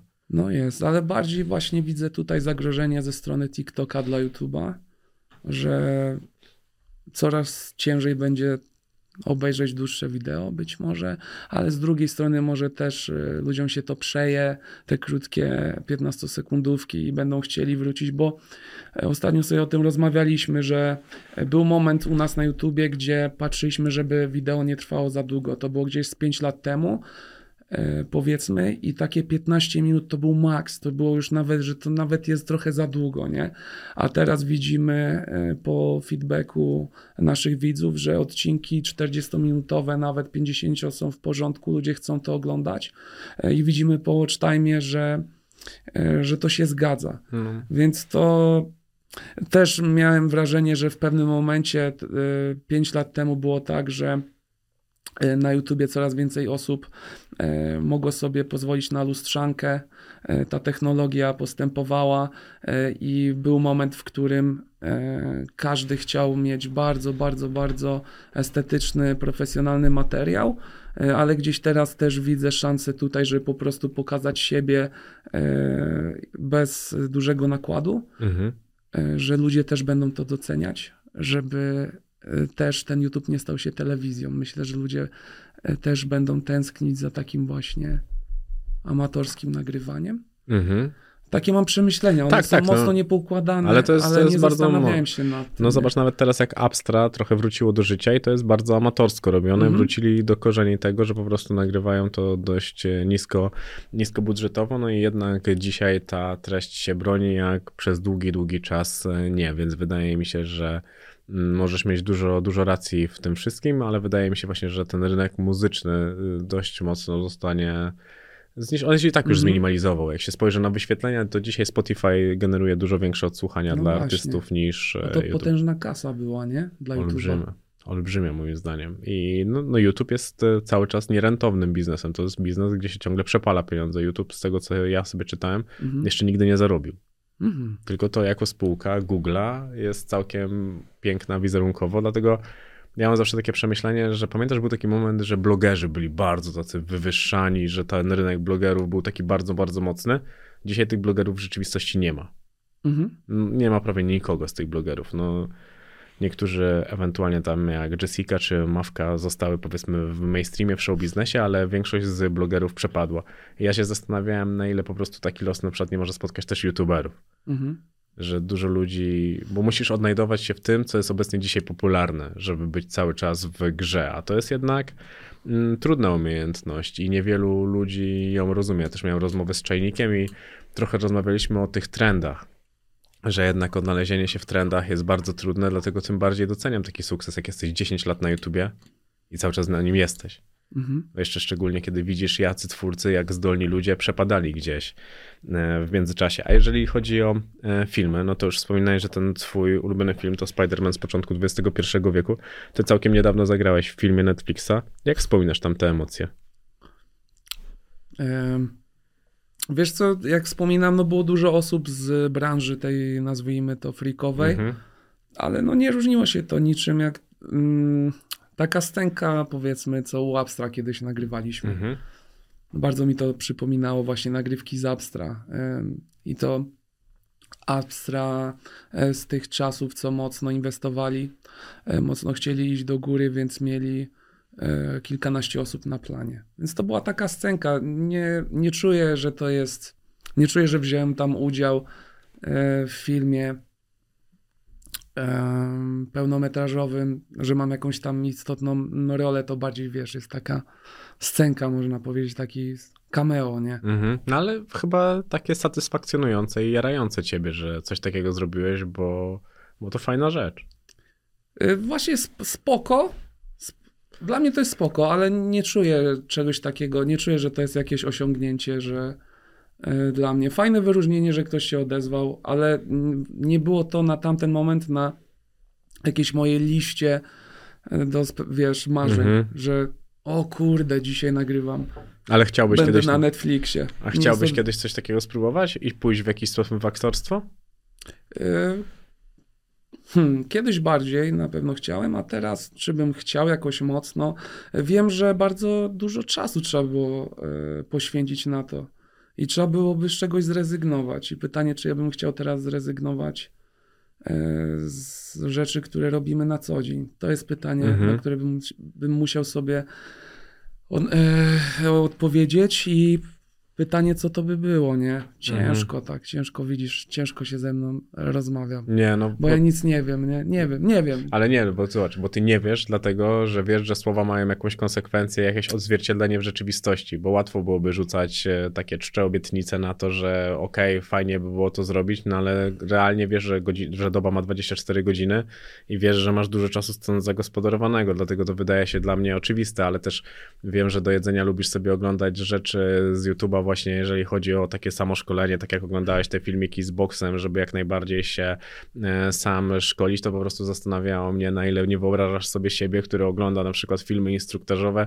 nie wiem, jak zagrać daną rolę. To e, po prostu dla samej zajawki, bo to taki challenge. Ty lubisz siebie challenge'ować, lubisz biegać, testować siebie, na ile dasz radę przebiec na kilometr, Mhm. co jesteś w stanie zrobić. I wydaje mi się, że to też mogło, bo to stąd się wzięło moje pytanie, że ty lubisz wychodzić z tej strefy komfortu, tak naprawdę z niej wychodzić i zobaczyć, co się wydarzy, nie? A wyjście, tak już powiedzmy, z stricte siłowych rzeczy i fizycznych, Mhm. do takich, gdzie musisz sprawdzić siebie i otworzyć swoją głowę, jakąś tam emocjonalność najprawdopodobniej, to wydaje mi się, że to też mogłoby być coś takiego sprawdzającego ciebie w zupełnie innym obszarze jako gościa.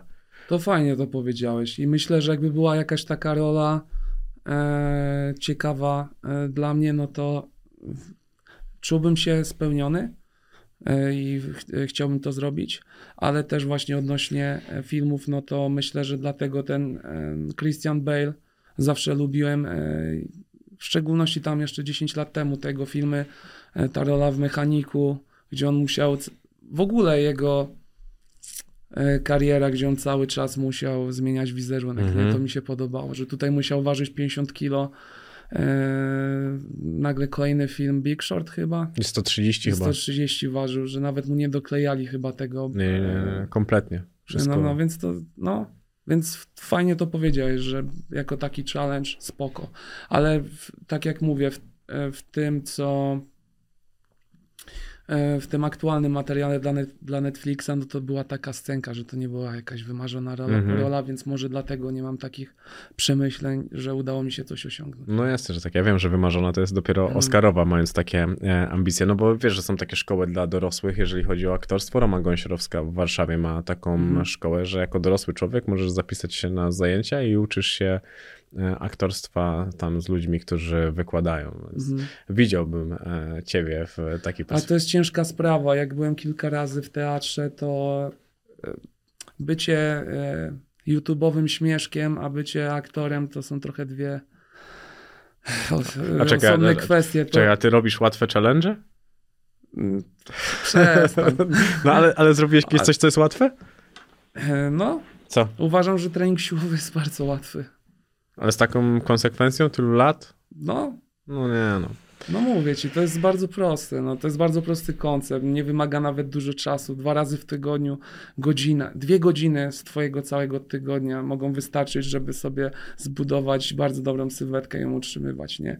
To właśnie już ten koncept, że musisz się zajeżdżać po trzy godziny, pięć razy w tygodniu, to, to to tak nie działa. Właśnie trening siłowy jest bardzo prosty. To nie jest, wiesz, to nie jest nauka gry na fortepianie, albo to nie jest nauka jakiejś, to nie jest boks, to nie jest MMA, nie? To, jest to są proste rzeczy. Trening siłowy to są proste rzeczy. Dlatego to, dlatego szkoda, jeżeli tego nie robisz. Okej. Bo daje tyle korzyści, jest tak prostą rzeczą. E, kurczę, ale jeszcze chciałem wrócić do tego pytania. O czym my rozmawialiśmy przed chwilą? E, przed Filmy, aktorstwo, e, szkoła dla dorosłych. A, no, że nie, że po prostu pełen podziw mam dla, mm, dla aktorów, e, którzy w teatrze są w stanie zachować, wiesz, taki, no mają to flow, no nie wiem, w, w ogóle ten warsztat, tak, tak to się mówi, że ten warsztat, który mają, no to, to jest zupełnie inna liga niż właśnie porówny, porównujemy jakieś tam predyspozycje lekkie, czy bycie po prostu tam Mhm. śmieszkiem, nie?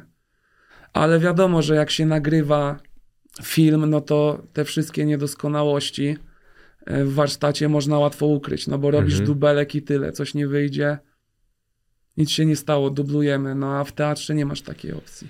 No nie, no to też e, teraz tłumaczę, dlaczego na ławce u was chcieliście widzieć Ce- Cezarego Pazurę.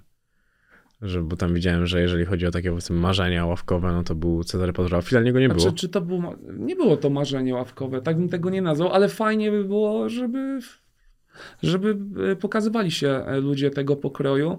E, Oni też e, fajnie, że byli w internecie, w tym mainstreamie, no bo gdzieś tam jest to Mhm. wyciskanie youtuberów, a że e, Cezary Pazura miał kanał, no to faktycznie jakby pomyśleć, że miał tą rolę killera i legenda polskiego kina, no to okej, faktycznie, fajnie by było powiedzieć, że kurde, u nas na Awie był Cezary Pazura.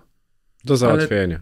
Ja mu wyślę teraz ten fragment, to Tak? myślę, że bez problemu. To by było fajne, no. On nagrywa tutaj e, też e, swój podcast z Edytą, więc wydaje mi się, że to jest e, jak najbardziej do zrobienia, tym bardziej, że on ma niezłą formę. Nie wiem, czy tam No tak, widziałeś. tak, to- z tego względu chcieliśmy go mieć, nie? Jestem ciekawy. Tylko no rekord wiesz, to nie było ciężki. tak, że kurczę, że każdego dnia oby czarek No nie, no ale a ty całym miałeś, szacunkiem ale oczywiście. masz takie marzenia w ogóle? No nie, właśnie nie mam aż takich marzeń, że ktoś, żeby ktoś wpadł do nas na ławę. Że... No właśnie. A jakie masz marzenia tak ogólnie? W- cały czas się rozwijać, myślę. no ale w czym ty chciałbyś się rozwijać? No poza tym, że chciałbyś mieć rozwijać, dwa koty. rozwijać dzika. Mhm. E, To też już jest, myślę, dla nas ten etap, że e, no chcielibyśmy młodszym osobom może ułatwić trochę to wejście w życie dorosłe. E, Pokazać właśnie. em, Kurczę, nie chcę za dużo powiedzieć teraz. Ale no, chcielibyśmy, żeby ten dzik też dla młodych osób miał jakieś korzyści poza e, też rozrywką, Mhm. poza merytoryką i poza tym, że mogą kupić nasz e, produkt, wiesz. Może uda się w tą stronę też Mhm. pójść. To na zasadzie jakiejś fundacji? Nie, nie chciałbym tego nazwać fundacją. Nie chcę wykluczać fundacji, ale myślę, że tylko tyle mogę odpowiedzieć o Okej. tym. Że, żeby też mieć jakieś znaczenie, jeszcze większe znaczenie, e, jeżeli chodzi o młode osoby, które dopiero zaczynają Mhm. e, wchodzić w to życie. I Okej. pokazać, że życie polega na tym, żeby zrobić dobry trening e, ze znajomymi, najeść się i że to jest ten styl życia i chcemy im to umożliwić. I żeby być e, szczęśliwym. A jeszcze wracając do wątku filmowego, bo on u ciebie jest e, dość rozległy, dość rozległy, to jakie filmy ty lubisz? Czego szukasz w filmach? E, Rozkminy często. To co masz e, w tych, poza Spider-Manem? Zna- Bardzo lubię filmy i Saker mnie wprowadził w te filmy e, i zawsze źle mówię nazwisko tego reżysera. Mhm. Sha- Shyamalan. On ma takie filmy, które często są nisko oceniane. Ale to jest ten od Splita na przykład. Mhm. Ale y, to on miał tą trylogię właśnie e, niepokon... Czekaj, nie... Nieśmiertelny, nie wiem jak było tłumaczone. Czy tam Nieśmiertelny chyba z Bruce'em Willisem, Mhm. potem był Split i na końcu był e, The Glass. To to jest ta trylogia, fa- fajna trylogia, fajnie pokazuje superbohaterów, jak oni by faktycznie funkcjonowali w takim realnym świecie. E, Ale ma też takie fajne rozkminkowe filmy. Okej. E, M. Night Shyamalan, coś, chy- chyba tak to nazwisko, Shyamalan, Shyamalan.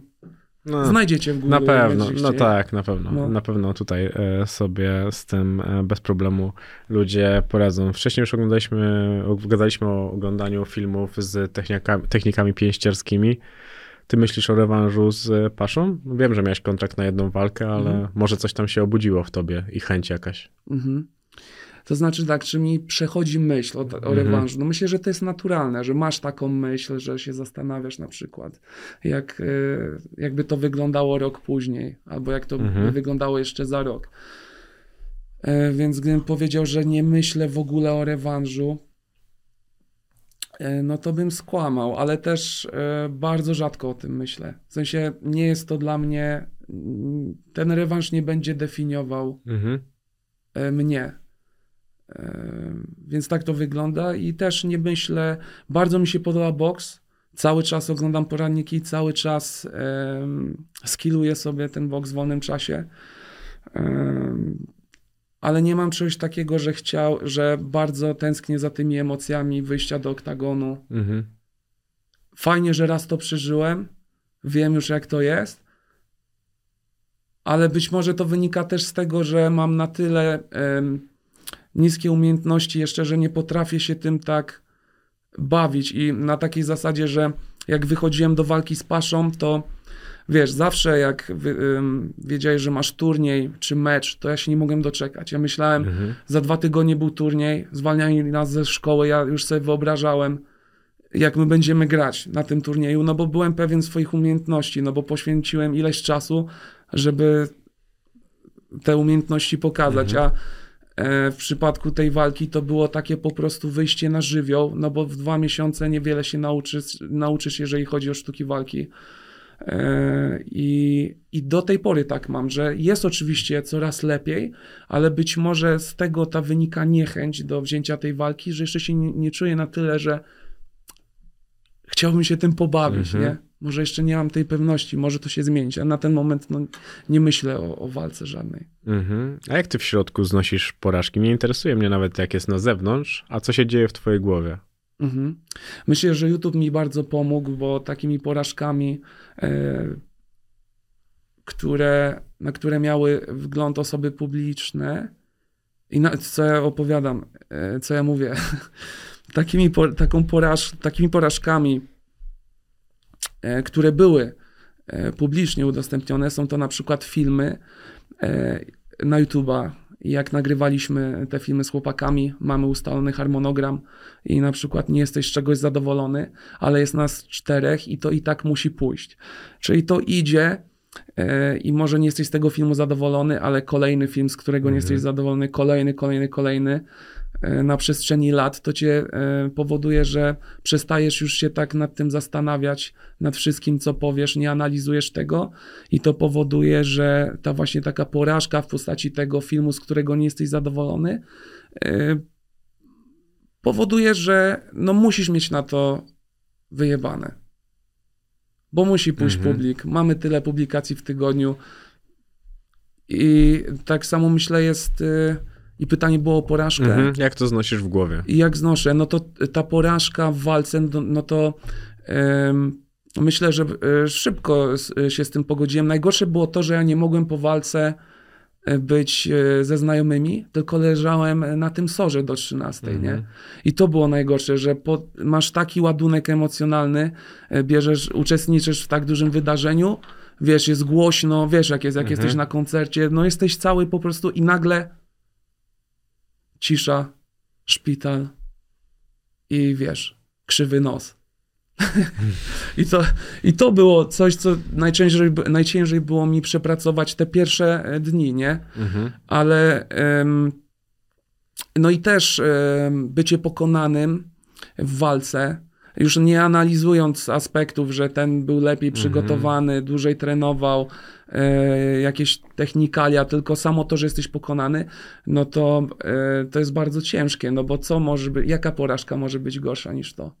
Poza jakimiś chorobami, wiesz, w sensie Mhm. takimi Sportowo, no poważnymi rozumiem. rzeczami, ale tak to myślę, że to jest jedna z takich największych porażek, które mog- których możesz doświadczyć jako mężczyzna w Mhm. szczególności, nie? Jako mężczyzna. I teraz, jeżeli e, ja już tego doświadczyłem i właśnie nauczyłem się z tym żyć, no to uważam, że e, kurczę, no znowu cię zrzuca to taką, takie oczekiwania wobec ludzi do ciebie i zrzuca to jakąś taką odpowiedzialność, że ty musisz kimś być. I e, ja się, no nie cieszę się, że miałem złamany nos, ale koniec końców e, nie było jakichś konsekwencji zdrowotnych. Mhm. E, wiesz, które teraz mam, powiedzmy, bo tam dostałem No w to wiem, oko, to oko, więc oko spadło, nie? najbardziej się bałem o to, że będę miał ze wzrokiem problem. No to Mhm. wtedy bym żałował, nie? I wtedy bym sobie być może nie wybaczył, ale tak jak jest ok na ten moment zdrowotnie, no to myślę, że dużo moż- naprawdę można sprogresować po takiej porażce, jeżeli chodzi o, Mhm. o rozwój osobisty. Kaja jest oparciem w takich sytuacjach, czy ty nie potrzebujesz takiego oparcia? Oj, zdecydowanie, jest, potrzebuję bardzo. Tak, potrzebuję bardzo, no bo Kaja jest mi też w stanie e, obiektywnie coś powiedzieć, nie? Mhm. I się słuchasz? No, tak, no. Czasami chce mi, czasami okazuje się, że to jest to, co ja bym chciał usłyszeć, ale czasami jest tak, że nie. No bo Robur mówił, że lubisz się rządzić, dlatego zastanawiałem się, czy w związku też. E, Myślę, że nie, że właśnie ja myślę, że jestem bardzo kompromisowy, ale wiem o, o co Roburowi chodziło. Pozdro Robur. No, wiesz, jak było, kto najczęściej kłóci się w filmie, to wszyscy pokazali na ciebie, więc... Pytanie, po co się kłóci? W jakim celu się kłóci? No tego, tego to już nie wiem, a Kaja dużo zmieniła w swoim życiu? Tak, Na lepsze, chyba wszystko. tak, tak, tak, tak. No. Wiesz, co jest e, piękną puentą tego twojego związku i Kaja, jak sobie z nią chwilę o tobie rozmawiałem i ja mówię, a co byś w nim zmieniła? A Kaja mi napisała, że nic. To, to jest coś takiego, gdzie wydaje mi się, że bardzo mało e, osób e, ma taki komfort tego, że nie chciałoby nie zmienić A nie niczego. powiedziała ci, że na przykład, nie wiem, Żebyś sprzątał e, po sobie? sprzątał? Nie, mówiła, że ciągle się tego uczysz i że jest cierpliwa do tego, że Okej. się nauczysz akurat. Mówiła też, że nienawidzisz się rozstawać, w sensie wychodzić z domu i cho- chodzić spać pokłóconym. No nie, nie rozumiem tego. Nie rozumiem tego stanu takiego, że lu- ym, wydaje mi się, że ludzie na przykład ym, nie wiem, na własne życzenie chcą trwać w tym stanie takiej nie, niepewności, że nie wiedzą na czym stoją. Ty na pewno się znasz lepiej na tych rzeczach. Dlaczego? No bo, bo jesteś y, kobieciarzem. Ja jestem No wiesz, no jesteś, no pisałeś książki o miłości, Dobrze. więc nie gadaj mi teraz, że się na tym nie dobrze. znasz. Ale no ja, to jest coś, czego no, nie lubię. Nie lubię czegoś takiego, że idziemy spać i na przykład to nie ma takich e, momentów, nie? nie do... Mhm. I to jest ten moment, w którym ja się kłócę. Że musimy się pogodzić. Kłócisz się o to, że musimy się pogodzić. Tak, ale staram się być kompromisowym też, Mhm. nie? A dlaczego nie lubisz e, się żegnać, w sensie wychodzić e, z domu? To jest czymś Znaczy nie pokłóconym. Aha, okej, pokłóconym. Bo... Nie, nie, to nie chodzi o to. Bo Nie, to- lubię wyjść z domu. No bo właśnie Kaja E, powiedział, że nienawidzisz... wyjść, nie, lu, nie lubię wychodzić z domu b- y, i być pokłóconym. Okej, Bo to zaprząta ci głowę i nie możesz potem skupić się na rzeczach, które masz do zrobienia. Tak, tak, to jest zupełnie, zupełnie naturalne i mam bardzo podobnie, bo to jest wtedy cały dzień po prostu myślisz o tym, a robisz e, inne rzeczy i to dość mocno potrafi Ty zaburzyć. się męczysz i ona się Mhm. męczy. Tak, tak. O tak. co? Nikt nie ma z tego mm, korzyści. Dlaczego chciałbyś mieć dwa koty?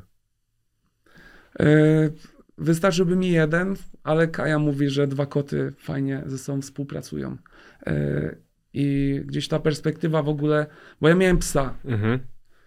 Psa bym nie chciał mieć z tego względu, że przypominają mi się telefony, że siedzę w Cinema City, oglądam film i dzwoni tata.com. Jeszcze tak miałem go zapytać. Mhm. Tata.com. Wyjść z psem. Tato, ale jestem, chuj mnie to obchodzi. Chciałeś psa.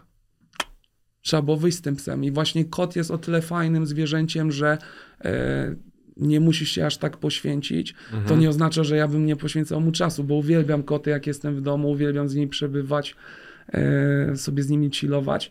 E, tylko po prostu, jak są dwa koty, to one się zajmą sobą, tak słyszałem, Mhm. i z tego może to wynikać. A masz jakieś takie wymarzone, może rasowo, czy, czy kompletnie nie? E, lubię ciekawe koty. Ciekawe koty typu na przykład e, jeden z moich ulubionych kotów to był taki, co miał dużą głowę. Śmieszny taki kot. E, Fajny jest kot Kai, e, Romek. On jest taki, że za... lubię koty, które przychodzą do człowieka. To mańkuny są bardzo fajne. A ja Boguś. słyszałem, że mańkuny są właśnie frajerami. A co widzisz, a, a Boguś e, teraz kupuje dwa. No, no, no. Mańkuny? No. Ja każdego mańkuna, co poznałem, to y, był wredny i właśnie Kaja mi mówiła, że mańkuny są takie, że nie są właśnie do człowieka, że są no to trochę może takie... kwestia. Ja, ja akurat Kurde. spotkałem jednego, to akurat był taki właśnie ala pies, aż dziwne to było e, dla mnie, że on był taki faktycznie przyjazny, ale się nie znam, e, nie znam na kotach. A już e, zahaczając kompletnie o koniec rozmowy, zmieniłeś Garmina na siódemkę? Czy... Nie, cały czas mam tego samego. I ostatnio mniej biegam, bo zamiast biegania robię po prostu boks, nie? Mhm. I na razie skupiam się na tym, bo też jak rok temu uczyłem się biegać, to też jest ta zajawka, że jest znowu ten progres szybki, bo się uczysz, że to jest jednak nowa umiejętność. Jak podchodzisz do tego, że sobie rozpisujesz trening, Mhm. no i śledzisz ten progres, a teraz e, taką rzeczą jest boks, czyli ja tą wydolność cały czas trenuję, tylko po prostu ucząc się nowych rzeczy, na przykład na worku.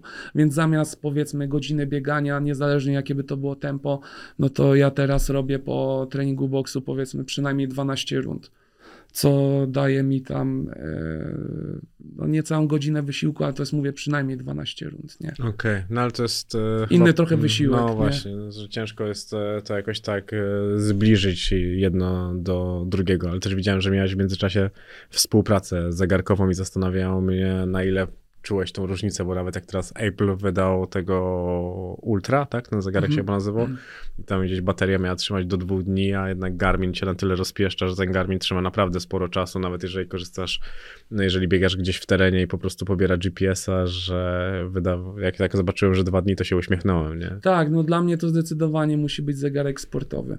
E, A smartwatch, no to właśnie dla ludzi, co szukają, wiesz, takiej kompatybilności w dniu codziennym, żeby sobie, nie wiem, zobaczyć SMS-y. Nawet już nie wiem, powiem ci, e, jakie funkcje mają e, te smartwatche, ale już możesz chyba, nie wiem. No chyba to są telefony tylko na No, ręku. to jest telefon na, na nadgarstku, nie? No, tak, a jednak Garmin czy tam Polar, niezależnie od tego, co z czego to stosuje, to wydaje mi się jednak, że to jest taki dostosowany po prostu do, realnie do realnie do, do sportu, chociaż ja myślałem, że w tej siódemce ten czytnik tętna będzie dużo lepszy, bo to zapowiadano. Ale Niewiele się zmieniło. Znaczy No. zakładałem, że niewiele się zmieni. bo ty masz siódemkę. Tak, tak, tak, tak, Właśnie. tak. No Ładna, i- fajna, fajna. Tak, one, Zauważyłem. one są ładne, e, te Mhm. siódemki. Też dużo ich teraz ale wyszło. duża ona jest jakaś. Tak, tak, tak. E, A to jest klasyczna. Nie, Aha. nie ma po prostu chyba e, mniejszych tych siódemek. Fajne są i bardzo dużo modeli wypuścili i wypuścili teraz taki zegarek ala smartwatchowy, wiesz, że z ekranem OLED, Mhm, więc już, no, jeszcze. ja akurat e, tam trochę sobie tego śledziłem, jak e, zamawiałem, Mm, dlatego mnie zastanawiało, e, czy tam coś śledzisz, czyli biegania pas znaczy kompletne? nie, nie, nie, nie. Bieganie jest. W ostatnim czasie trochę mniej go jest. Ale na przykład teraz, jak jestem na wyjeździe u Kai, no to biegam codziennie, nie? Jak jestem w Borach Tucholskich i mam takie okolice do biegania, troszeczkę zredukowałem, ale to nie jest, że ja mówię, to koniec z bieganiem. Mhm. Po prostu aktualnie pogoda e, też pewnie i ta zajawka na boks Okej. powstrzymuje mnie od tego. A testowałeś kiedyś e, Garmin Coacha do biegania? E, Nie, Ja teraz to robię i jest- odkryłem bieganie na nowo. spoko, No, świetna jest, rzecz. no, rozpisuje ci trening Mhm. i, i widzisz ten progres? No. Zapisu, zapisuje ci się od razu i on na bazie statystyk ci dostosowuje. A nie, okej, Gar- poczekaj, bo jest, y, bo to są chyba dwie rzeczy. Jest Garmin Coach i to masz, że on ci ustala ten plan. Mhm. Powiedzmy, że przygotowanie do półmaratonu. Półmaratonu, tak. To tego nie testowałem, ale często korzystałem z proponowanych treningów Garmina na daną sesję. Mhm.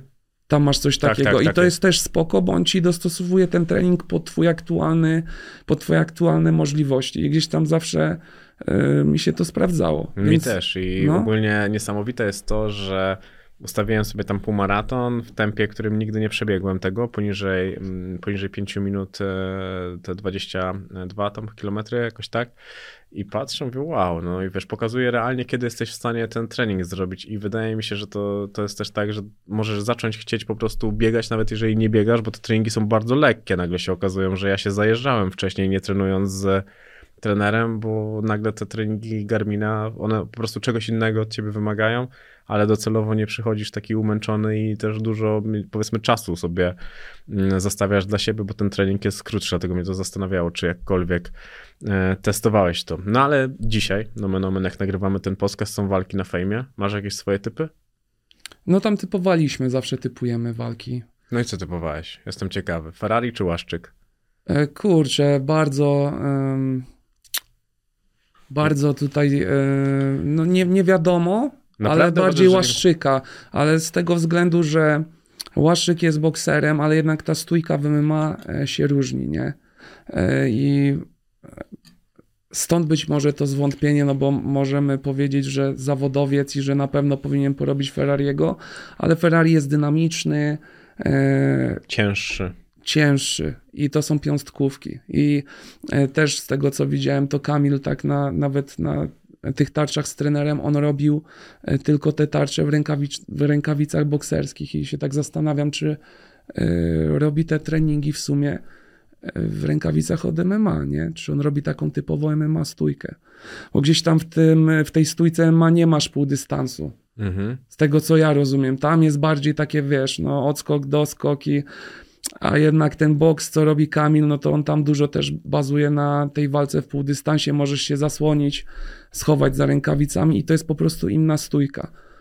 Więc stąd wynika ta niepewność y, u mnie, czy zawodowiec będzie w stanie y, frika pokonać, Mhm. ale, no i też ten parter, różnica wagi, ale no jednak na, na Łaszczyka obstawiłem. No. No mi się też tak wydaje, że tak pod, podpowiada mi zdrowy rozsądek na jeszcze perspektywa tego, że właśnie ktoś to fajnie powiedział, że Ferrari jak już wygrywał te walki, to zazwyczaj po prostu machając e, rękoma i trafiając, więc gdyby to był parterowiec ala wiewiór, no to wtedy te szanse byłyby trochę inaczej Mhm. bym rozkładał, ale raczej Ferrari wygrywał po prostu z kimś trafiając takim wiatrakiem komuś w łeb, e, bo nawet bym nie powiedział, że to był jakiś tam mocno wymierzony e, cios. No ale jest kilka walk. Tam jest jeszcze Sebastian walczy, no ale Filipek z Karasiem, jak myślisz, to też jest trochę tak, że jest freak i sportowiec, tylko że Mhm. sportowiec z innej dziedziny.